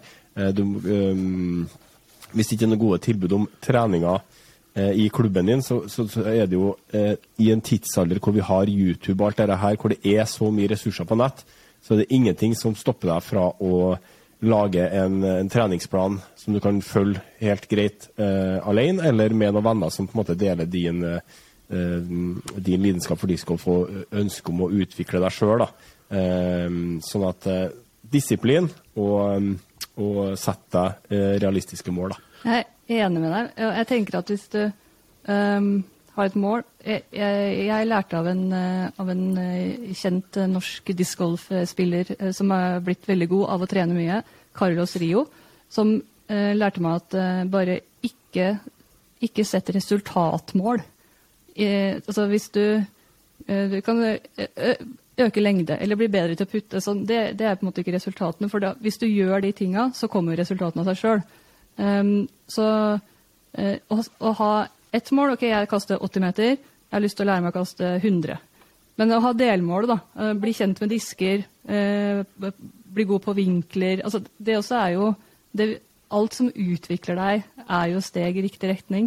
Eh, og da, det er mye lettere å nå Hvis et av målene dine er å bli veldig godt kjent med tre disker, så, så vil du kunne gjøre mye mer med de tre diskene enn også kanskje kaste lenger da, og bli mer presis. Og så kommer det der av seg sjøl. Men du må legge inn litt tid. Og det er sånn veldig lett å tenke jeg skal putte hver kveld. Men da må du gjøre det. Og, og hvis du gjør det, så får du det får du svar på. Det, og hvis du ikke gjør det, så er det irriterende når du kommer på banen. Takk, Jon Brennen, for uh, spørsmålet. Vi hopper videre. Vi har fryktelig mye spørsmål. Det er ikke vi rekker alle, men vi skal prøve. Eh, I hvert fall Pål Rikard Lilleseth sitt fantastiske spørsmål, som har med undertegnede å gjøre. Han lurer da på å putte fortsatt Lave med Keystone, eller har han switcha til Hope? Ingen av delene. Jeg har faktisk Hvordan Hvordan vi har? Hvordan vi har? Nå blir Sigrid veldig glad. Jeg har switcha til Mercy, som er da disken til um, spesielt Sigrid, da. Eh, men også eh, teamspiller Ola Brune Stakkeland. Jeg mener at Mercy er den mest undervurderte eh, putteren i hele verden. Ja, og Grunnen til at jeg driver og fjoller så mye Jeg elsker jo offseason. Jeg elsker å prøve nye molds, jeg elsker å prøve nye teknikker, spesielt med putting. Så jeg har i offseason har jeg flytta pekefingeren under og over tilbake igjen. Her lillefingeren att og fram. Og, og sjekka ut masse forskjellige molds. Men Eh, grunnen til at jeg har leita etter noe annet enn Keystone, er at Keystone er litt for nøytral. Altså, Mercy har 2401, som har lite knapp til overstabilitet. Og det ja, veldig lovende. Det virker som at Mercy blir putteren min eh, fra og med nå, da. Den er også veldig fin å lære seg, å, sånn som jeg snakka om i stad, å lære seg å kaste. Nøytral putter. Kaster du den rett fram, så um, er det verdt ja, skal vi si 40 meter på banen. Ja, det vil jeg det... Og så hørte jeg det veldig, veldig det, um, Altså det å putte Lære seg å putte. F.eks. hvis du putter konsekvent ni meter og i kurv. Den verdien av å putte ni meter og det å kaste ni meter lenger Du henter så mye. Jeg lar den henge. Og så går vi videre. Um, det er så mye spørsmål. Vi må jo takke eh, alle som har sendt inn spørsmål. Eh, her er jo kanskje en litt hot topic. Her er det fin. Vi begynner med og Her er jo flere uh, kasta seg på. Stig Sodeland. Jeg kunne tenkt meg en diskusjon om eh, subjektive uttakskriterier til EM, hvis det ikke er diskutert tidligere. Vi bør vel også ha så mange gode eh, Vi bør vel ha så mange gode at det, det kunne vært tatt ut på At spillerne kunne vært tatt ut på objektive kriterier og ikke subjektive kriterier. da. Og da tenker han da på eh, fire kriterier spesielt. han har ramset opp her. Det er fair på banen, treningsgrunnlag, vilje til å satse på EM og sesongen, og rollemodell på og utenfor banen. Og så er det jo vår venn Jørgen Madslien har slengt seg på. og Det kan være interessant å vite hvor mange aktuelle som ble kontakta for vurdering av kriteriet to og tre, som da er treningsgrunnlag, og vilje til å satse på EM og eh, sesongen.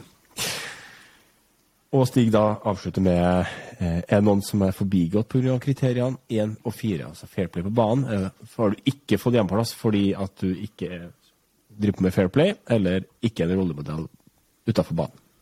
Sigrid, du er jo eh, plukka ut til å spille EM i, i klassen FB40.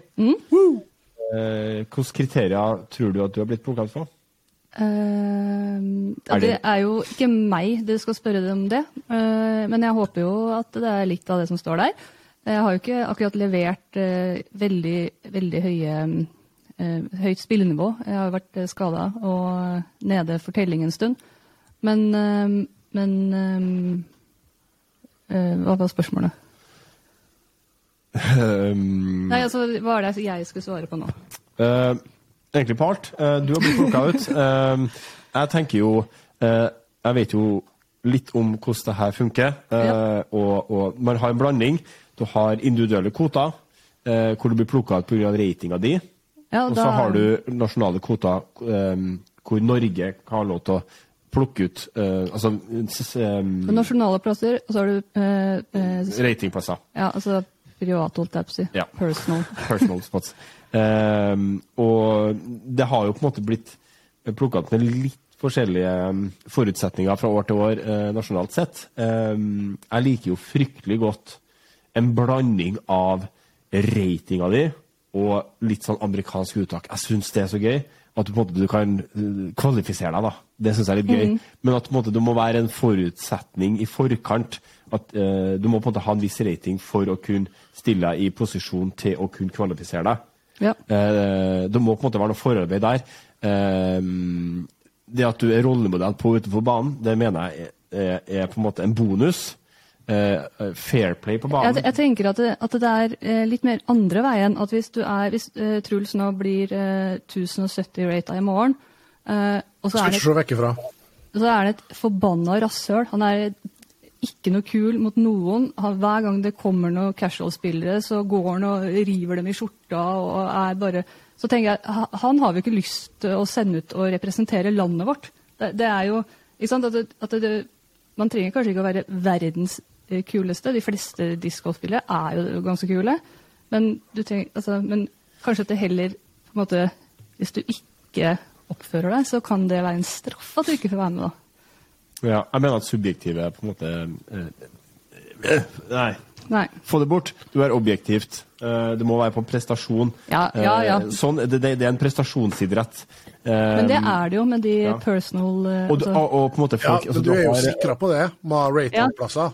ja, Sånn så- sett. For vi sender jo er- våre beste menn Er du og damer. og kvinner.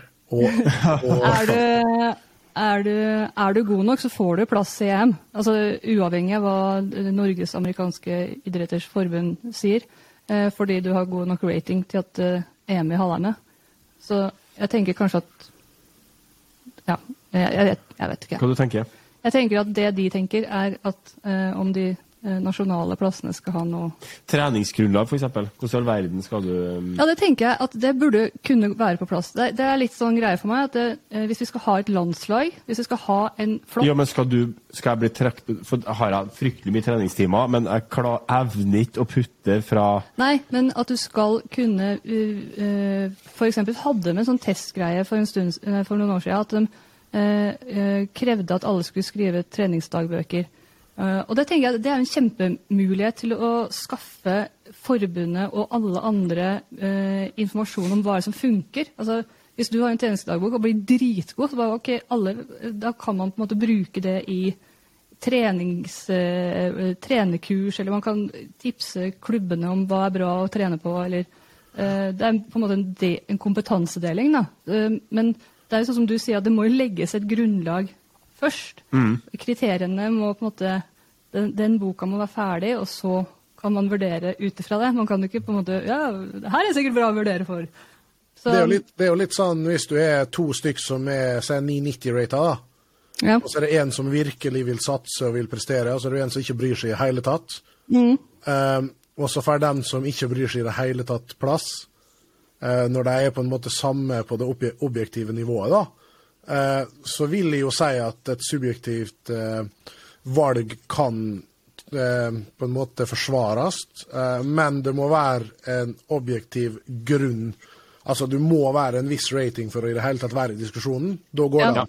Men det kan ikke være sånn at ja, fordi at jeg er en rollemodell ute på banen, skal jeg få plass til EM fordi at jeg er 8-20-rata. Det går ikke. Enig. Eller at du har trent veldig mye Ja. for å bli 7.32-rata. Derfor så får du plass igjen. Det går ikke. Nei, nei, det er jeg selvfølgelig enig i. Men er egentlig akkurat det Truls sier. At, det- at det, det kan være liksom eh, Nyansen. nyansen som får deg til å tippe over. Tusen takk, eh, Stig. Uh, Marte Iversen, sesongen 2023. Hva forventer, jeg drømmer, håper dere om norske utøvere, både inn- og utland? Norgescup, hvem tror dere tar pallplass i de ulike klassene? Vi stoppa på det. Ja, for da må jeg gjenta det, for du glemmer. Ja. Vi kan ta sesongen 2023. Eh, oh, ja. ja, men jeg går tilbake til første spørsmål, da. ja, sesongen 2023, Norgescup. Å ja, OK. Eh, hva forventer jeg? OK. Jeg trodde det første der var et eget spørsmål. Ok. Marte Iversen lurer på. Sesongen 2023, uh, Norgescupen. Og da er det sånn, forventer, drømmer, håper vi. Hvem tror vi tar pallplassene i de ulike klassene? Spennende. Det er vanskelig, Det er veldig og vanskelig. veldig spennende. Vi så det i fjor, Norgescupen. Hele bordet her rister når jeg ble engasjert. Ja. Eh, at når de big gunsa og big girlsa er ute og reiser og vinner Eurotours og uh, gud og hvermann, så får vi noen jokere som, uh, som vinner. Det blir veldig vanskelig å mm, Det blir på en måte Det blir litt sånn eh, eh, Ja, når Rosenborg plutselig ikke vinner eh, eh, Tippeligaen, så er det på det Molde, Bodø-Glimt, Strømsgodset det, det, eh, er, det er vanskelig å vite i forhold til at vi ikke vet hvem som skal spille hva ennå heller. Det, det, men det, det, i fjor så vant jo um, herr um, evigunge Ståle Stai Hakstad. Han er jo alltid en het potet, da. Ja. Det kan vi jo si eh, at uh, um, Jeg tror ikke, tror ikke det siste vi har sett i han. Og han eh, ser vi jo, er jo påmeldt i år også.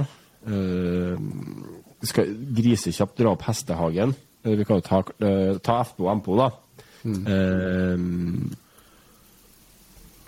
skal vi se Der så kommer vi oss inn på internetten. Jonas Tangen Hoff. Eh, Ståle har gått ned i rating, for han- bruker å være ganske høyt rata. Eh, men vi ser den høyeste rata i Norgescupen, Hestehagen, er Jonas Tangen Hoff. Eh, vi har eh, spennende spillere. Sindre Jensen Fosse, alltid opp der. Olav André Brekke, eh, alltid opp der. Ståle Stai, alltid opp der. Eh, Aksel Korneliussen, eh, Kasper Skovli, Mats Lien. Halvard. Flatberg, eh, Evald Ja. Så all, jeg føler at alle de her kan jo potensielt vinne. eh, og alle kan havne på pallen. Um, Yngve Mæland ja, det, er- masse gode spillere. Um, så det er jo kjempegøy. Eh, kontra hvis man hadde kasta inn um, Øyvind Jarnes eller uh, Knut Haaland. Da på en måte har man ja. vært relativt sikker på at de har dratt hjem både Norgescup og alt av seire og sånne ting. Mens nå er det mye mer åpent og ja, artigere å følge med. Absolutt. Eh, så går vi over til FPO. Eh, der òg. Eh, nå er Hestehagen jeg tar som utgangspunkt her, men her mangler jo eh, de to eh, kanskje største spillspissene våre i Anniken og Lykke. Eh, Og der skal er det ikke jo spille noe særlig, særlig Norgescup, jeg vet ikke. Nei, jeg vet jeg skal spille NM, men, ehm, men uh, ikke Norgescup. Her har vi jo Katarina Staalesen, som er på en måte den, den siste uh, brikken, egentlig, men som foreløpig eh, ikke har valgt å, å mm, hoppe på det europeiske eller internasjonale discgolfkjøret, da.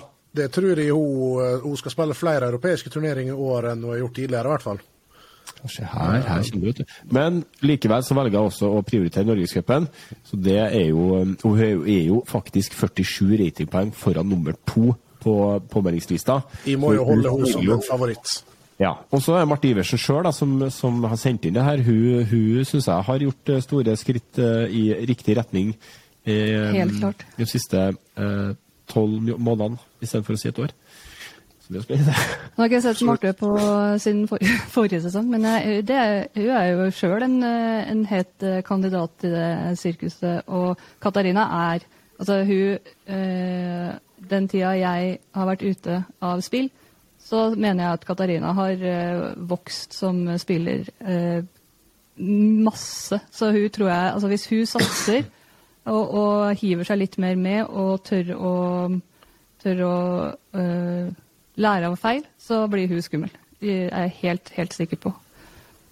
Og så er jo, um, som vi vet Og så har vi jo noen uh, Tidenes største damestall i NM.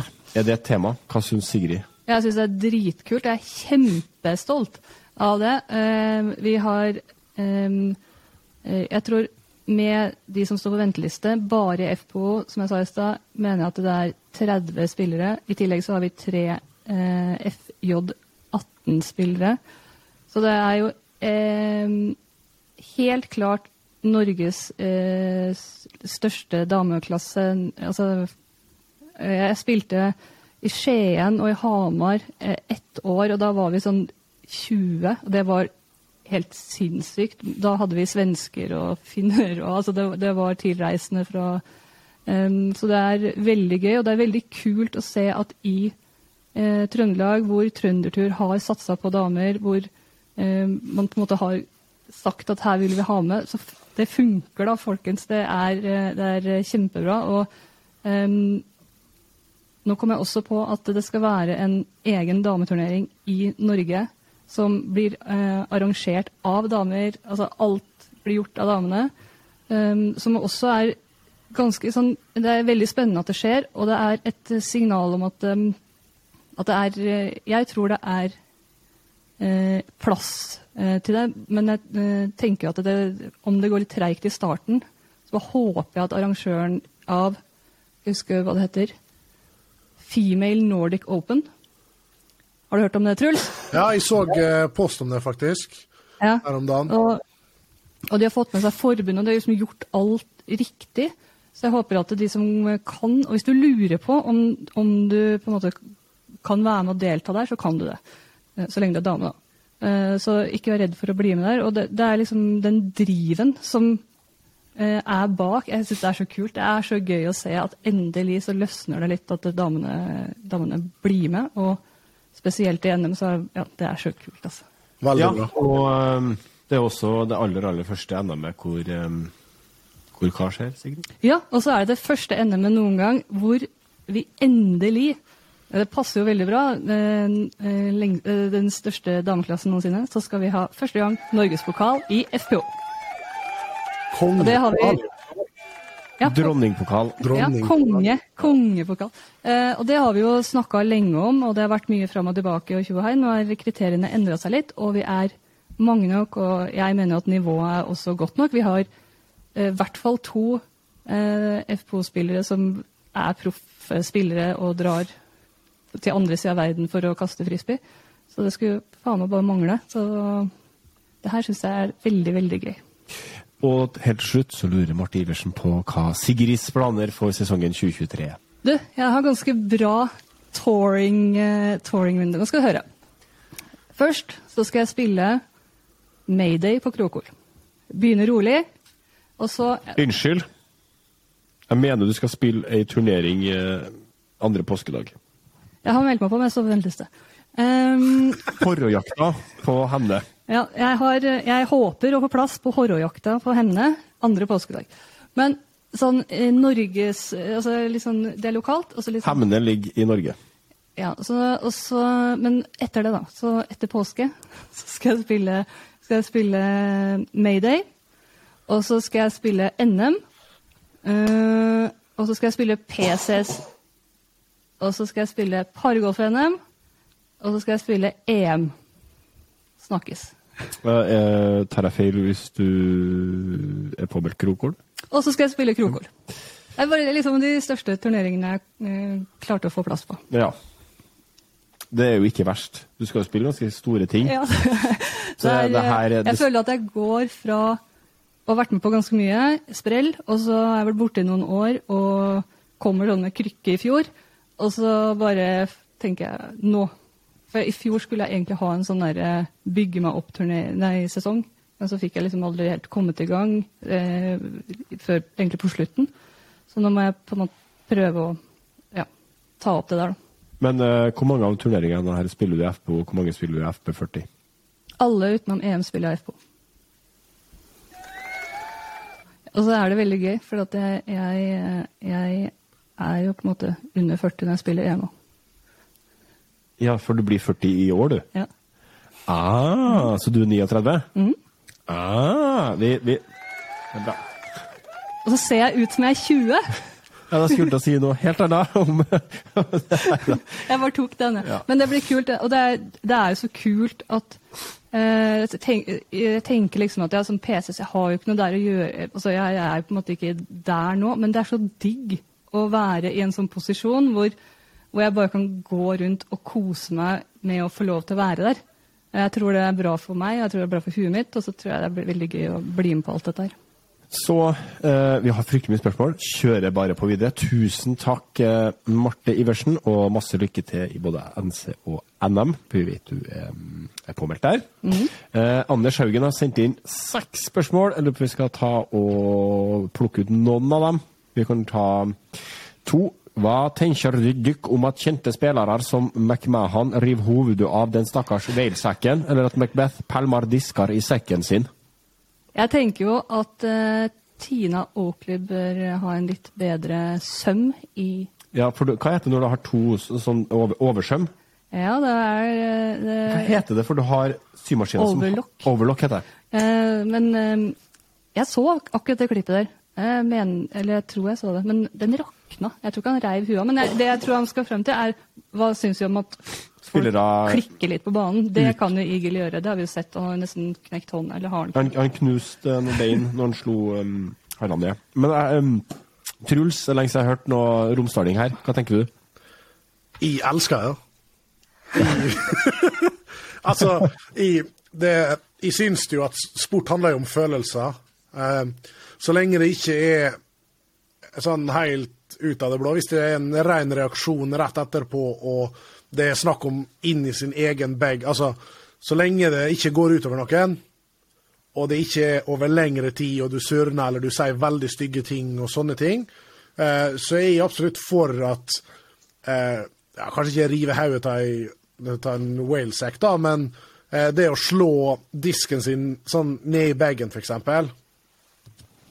Det å Ja, det er- Ja, det er ganske, det er ganske soft, og, og jeg, jeg jeg heier på det Jeg mener at å vise lidenskap det, måte, det skal, kan ikke bare være å grine av glede når du vinner. Nei, for det Det falskt. Eh, ja, litt eh, OK. Men, men, det må også være altså, Vis følelser når det går dårlig. Og så spørsmålet på en måte, hvor går grensa der, da. Du har jo, vi har jo den eh, famøse eventen med Nick Nei, uh, Locastro i fjor. eh, som, som gikk eh, Ja, det er, for, det er for langt, da. Ja, men da går det jo utover noen. Eh, Altså, Så det, det. Det det så er dere helga nå i, i Texas eh, med han åh, Han som Han um, som går og prater så stygt til seg sjøl hele tida. Det var en greie. Eh, Joel Freeman. ja, takk. Eh, som, som Han prater mye. Ja, og, seg og det og liksom går og kommenterer Jeg syns det er verre. Sånn derre Ja, bra kost! ja. altså, det, det går jo, som dere sier, utover andre Altså Man blir jo litt sånn satt ut av det, kanskje. Hadde jeg gått med Marte og det rive i huet av whalesekken sin, så hadde jeg bare ledd av henne. Og så hadde hun skjønt at det var tåpelig, og så, sant, så hadde det vært uten birdiebag den runden. da, Synd for hun. Men, Men det å liksom at man går sånn og, og lager ræva stemning, syns jeg er mye fordi man er sur egentlig på seg sjøl og lar det gå utover dem man egentlig skal henge med i tre timer. Det, det syns jeg er mye verre enn en å hive en disk litt hardt ned i bagen. Ja, for det er, jo en, det er jo en reaksjon på det som skjer akkurat der og da. Eh, men hvis det varer over lengre tid, så blir det et problem fordi at det påvirker alle andre òg, og da er det ikke greit. Eh, og det er veldig mange som har den, eh, eh, den sånn Det blir helt sånn deppa, så dreier den ned hele kortet, og så er det syting hele tida. Uh, uansett om Og det er sånn Får en god kick plutselig, da. eh, som redder det. Så sier jeg sånn 'Å, herregud, skal jeg kicke enda mer', eller sånne ting der. Eh, det, det liker ikke heller, men sånn rent sinne rett etterpå, så lenge det ikke er sånn eh, 150 desibel, sånn at alle blir påvirka, så er er all game for det, altså. Og, så hvis du er en sånn, Det er litt sånn som vi snakka om i stad. Hvis jeg er en sånn som trenger å få ut noe, eller trenger å gå furte, så er det nesten bedre at jeg sier til dere jeg må ha bare to minutter aleine. Og så bare gå litt for meg sjøl, og så bare komme tilbake. Nå er jeg ferdig å furte. Så er det greit. Men, men å gå sånn at man liksom ikke har avtalt det, da, for å, i gåseøynene, så, så ja, det er mye mer plagsomt. Ja. Samtidig så um, merker jeg at jeg har utrolig stor respekt for spillere som kaster en disk, går åt skogen, og så bare hmm, snur seg, går tilbake og setter seg. Uh, jeg må si uh, Page Pearce har jo gått ifra å være verdens beste spiller til å ha slitt litt i et par sesonger nå. Og måten hun takler dårlig kast og motgang på, syns jeg er uh, ja, Det beundrer jeg ganske mm, Jeg har aldri sett hun forbanna. Men hun har på en måte kasta ganske dårlig av og til i noen turneringer, uten å på en måte vise mine. da. Så at, ja, jeg liker at folk viser følelser, samtidig som at jeg har utrolig stor respekt for når man liksom klarer å ja, holde det inni seg, da, og ikke på en måte eh, Det er jo ofte sagt at eh, både i golf og discgolf så skal du på en måte ikke Ingen skal kunne se på dem om du gjør et godt eller dårlig kast. Og det um... Det er jo energitappekrana, da. Ja, det det Hvis du, og, for, og hvis du har en dårlig runde, og som har behov for å på hvert eneste dårlig kast eller dårlig putt må lage en lyd, eller må liksom Sånn som en Joel Freeman. Det Ja. blir jo for mye. Du blir jo irritert. ja, det, Og du blir affisert som spiller, og som publikummer så blir det jo bare sånn Kom igjen, da. Ja, det blir jo en greie av det, og det, og det er jo Derfor, må du tre, derfor må du trene med sånne på casual-runde, Ja. sånn at du ikke Ja, blir påvirka. Det er det du blir. Gå med Truls et par runder. Ja, men jeg er jo motsatt, da. Jeg er jo altfor glad. Sånn at uh, når det går litt dårlig, og du føler sånn Å, herregud, du er altfor blid. Det kan jeg bidra med. Ja, det kan også være ganske irriterende. Det Ja, det er verste, faktisk. Anders eh, skriver også norske og engelske uttrykk. Bør kommentering på norske discgolfsendinger fremme norske uttrykk framfor um, engelske? Altså Istedenfor gaps burde man si luke eller åpning. Ti burde man heller si utkastfelt osv.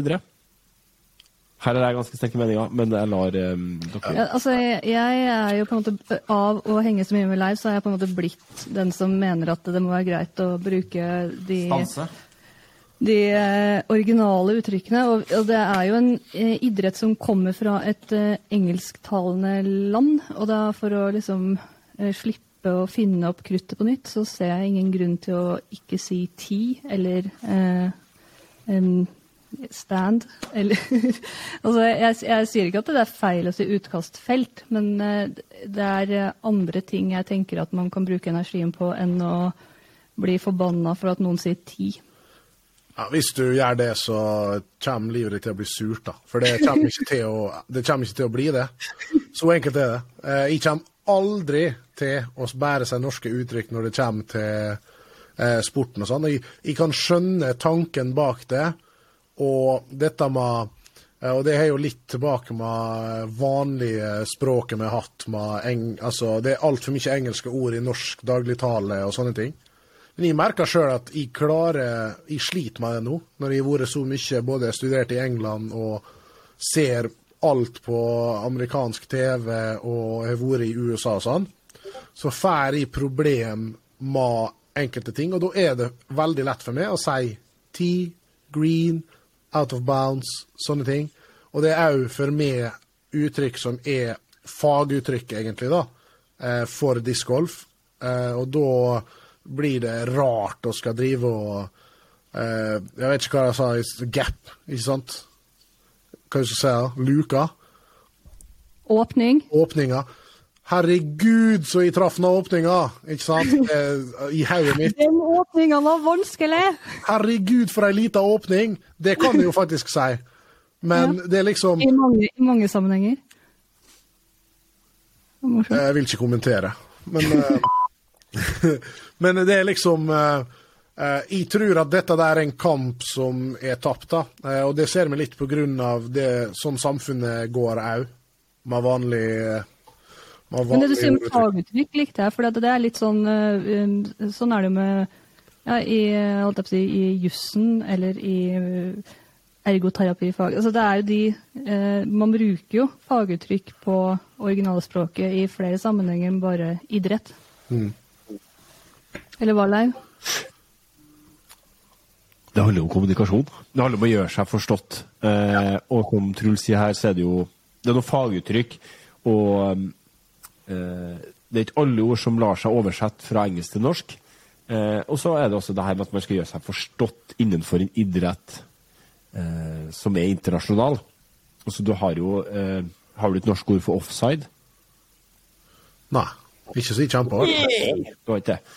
Og det her kan du si om fryktelig mye sporter. Um, samtidig så, så, så, så er ikke jeg for at vi som skal bare snakke engelsk. Nei, nei. Eh, bare fordi at det er en sport som er engelsk. på en måte. Men det, det er jo et par um, Jeg jobber jo med å oversette um, uh, PDGA. Reglene. rules of disc golf og the official, ja, official rules of disc golf. Og det å prøve å oversette out of bounds, eller OB, eller stance Ute av Eller- spilleområdet. Ja, eller Mando, eller Fairway. Oversett Fairway til meg. Innafor spilleområdet. Ja, Det, det, det er fryktelig mange sånne ord og uttrykk. Og det, jeg har jo um, eh, gjort litt research bl.a. innenfor golf. Og Kan du si research på norsk? Ja, Eh, ikke sant? Forskning. Forskning, eh, forskning viser at, um, at golf har gjort litt sånn som det vi gjør, da. En blanding. Det som er enkelt å oversette, på en måte sånn som utkastfelt, det liker jeg. Ja, Det- det utgangspunktet er fint, det. Veldig fint. Forklarende. Det går ikke på, du går på en måte ikke på akkord med noe. Det er minst, ikke, om ikke mer forståelig enn ti. Ja. Det er ikke et godt ord, da. Um, men, eh, men ja, som- se på green, da. Rundt korga. Rundt kurva. Ja, ikke sant? Ja, så du har Der er, sier jo golferne green. Der er, der er jeg er helt enig i at det går an å bruke på visse ting, men vi klarer ikke å komme til et punkt der det bare blir norsk, eller det bare blir amerikansk, eller bare Nei. engelsk, eller bare spansk, eller bare fransk. Nei, Ikke bare norsk, for da, da Det blir håpløst. Ja, det, det det er jo på en måte en, en internasjonal sport. Så når du på en måte skal forklare eller hoppe eller se på sporten på TV, og så er det plutselig en helt annen sport fordi at du har lært den på norsk, og så Hæ, hva er det for noe? Så er det er enklere, da. Hvis du eh, som eh, 16-17-åring blir veldig god å spille, og så kan du PDGA-reglene på norsk, og så skal du spille turnering i Europa eller i USA. Og Ja. så skal det begynne å kåles ting på engelsk, og så har du aldri tenkt over hva ting heter på engelsk, f.eks. Cola. Kåla, ikke sant? Ja. Jeg, jeg har meldt på forhånd at jeg klarer jo Jeg sliter med dette der. Ja. Så han spør om vi burde gjøre det. Nei, vi Nei. Synes, altså, ikke nødvendigvis. Og så er det nesten sånn sånn som. Det er- eller Mando. eh, så, så vi fornorsker liksom det engelske ordet. Altså, det, det er nesten det, det, blir obligatorisk, og det blir altså, det blir nesten Men jeg tenker at det nesten er et ja, Det er sånn teit å si, men egennavn. Altså, at det, det heter Mando, liksom. Ja, ja. Altså, så du kan ikke begynne å kalle det for obligator... Det blir jo helt sånn prøv, det føles ut som du bare prøver for hardt. Ja, ikke sant? Det er nettopp det. Og til slutt så skriver Anders Haugen discgolf med K i ett ord. Og bare fordi at du skrev det, Anders Haukedal, så skal du få en KC-aviardisk med Big T-stamp på.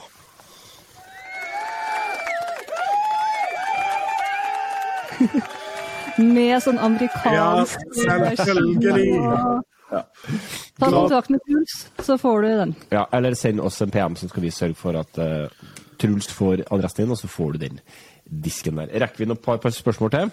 Altså, Vi har bare holdt på i nesten to timer. Vi har nesten holdt på i to timer. ja. Det er jo ingenting. Eh, Eh, vi har, jeg mener at vi har et godt et um, her på internetten, på Instagrammen. Ja! Her syns jeg er gøy, da. Her har jeg tenkt på lenge. Uh, to stykker. Kenneth DG skriver lag-NM. Eh, Marius Flagestad har valgt å skrive litt mer. Lag-NM! utropstegn. Er det liv laga i Norge? Regionvis kvalik. Eh, Lag-NM syns jeg er veldig spennende. Jeg har hatt lyst til å gjøre noe med det. Jeg hadde egentlig lyst til å gjøre noe med det regionalt først. Eh, og for dem som ikke skjønner hva vi snakker om, så er lag-NM på en måte ganske lik pargolf-NM, men da mm, at man er et større team enn bare to. Man er gjerne fire til fem spillere. Eh, eh, man har noe som heter lag-SM i Sverige. SM er da svenska mesterskapen. Eh, som er veldig mye prestisje og veldig populær, og også sendt på, mm, sendt på TV. Som jeg mener er et uforløst format som vi bør kopiere inn i Norge. Da. Blir det likt President's Cup? ja, veldig likt Presidents Cup, og jeg mener at det burde vært um, kanskje ikke lag-NM, men nesten klubb-NM. Du skjønner at, at en klubb kan stille med fem spillere, uh, og det må være uh, representert uh, fra f.eks. minimum tre, eller kanskje fire klasser, da, må være representert blant de fem spillerne. Og da er det um, forskjellige runder. Du spiller mot andre, andre lag eller andre klubber. da. Eh, Du har to enkelt eh, single eh, rounds, og så har du en pargolfrunde. Så det er fire spillere som er i, i sving per runde, og så har du på en måte en innbytter da, som du må bytte på, du må rotere da, mellom rundene. Utrolig gøy, og det tror jeg er jeg tror det hadde vært eh, kjempesuksess hvis noen hadde tatt tak i det. Ja, Det hadde vært grisegøy. eh, og da får du på en måte hele klubben i ryggen. da, plutselig. Og du kan ha Ja. Jeg mener at noen må bare begynne å gjøre det. Eh, og eh, ja, jeg mener at det er kanskje eh, Jeg er med på den tanken at man har sånn regionsvis kvalik. da, Ja. For å få Vi er jo sinnssykt mye klubber nå. Over 125 Vi har likt med klubber. tanken i Trøndelag å ha eh, Trøndersk mesterskap har Ja. vi jo tenkt på. Uh, vi har bare ikke hatt um, tida. Men uh, jeg, jeg håper noen um, bare får det for seg å arrangere uoffisielt eh, NM i, um, i klubb... eh, uoffisielt klubb-NM. Vi heier på det.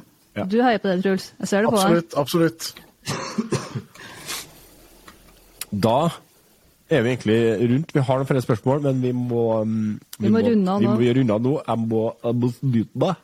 Og vi har egentlig bestemt oss for at vi skal være under en time. Nå er vi snart to. Det var så hyggelig. Ja. Ja, ja. Det er ikke, det er ikke hver dag vi får uh, Vi blir 50 episoder. Det er ikke hver gang vi blir 50, det er ikke hver dag vi får en europeisk team manager for et internasjonalt brand. Nei, det er ikke hver dag. Men det var veldig hyggelig. Absolutt, det var veldig hyggelig. Og takk for at dere ville ha meg på. Det skulle bare mangle. Ønsker deg masse, masse, masse lykke til på, på veien eh, inn i den nye karrieren som eh, European Manager of uh, International Innova Champion Discs uh, Team Manager. Uh, Og vi gleder oss eh, til å se deg på de store turneringene. Og så har vi, Psychological coach. og så har vi en del eh. premier som vi kommer til å sende til neste runde. Det blir ikke så lenge til. Nei, vi har, eh, vi har i påske foran oss. Det blir livesending. Sigrid lover livesending. Jeg, lover livesending. Tusen- si. Tusen takk for oss. Tusen takk for oss. God påske. Og så ses vi på andre sida av påska. Da er våren her, og da er sesongen for alvor i gang. Tja!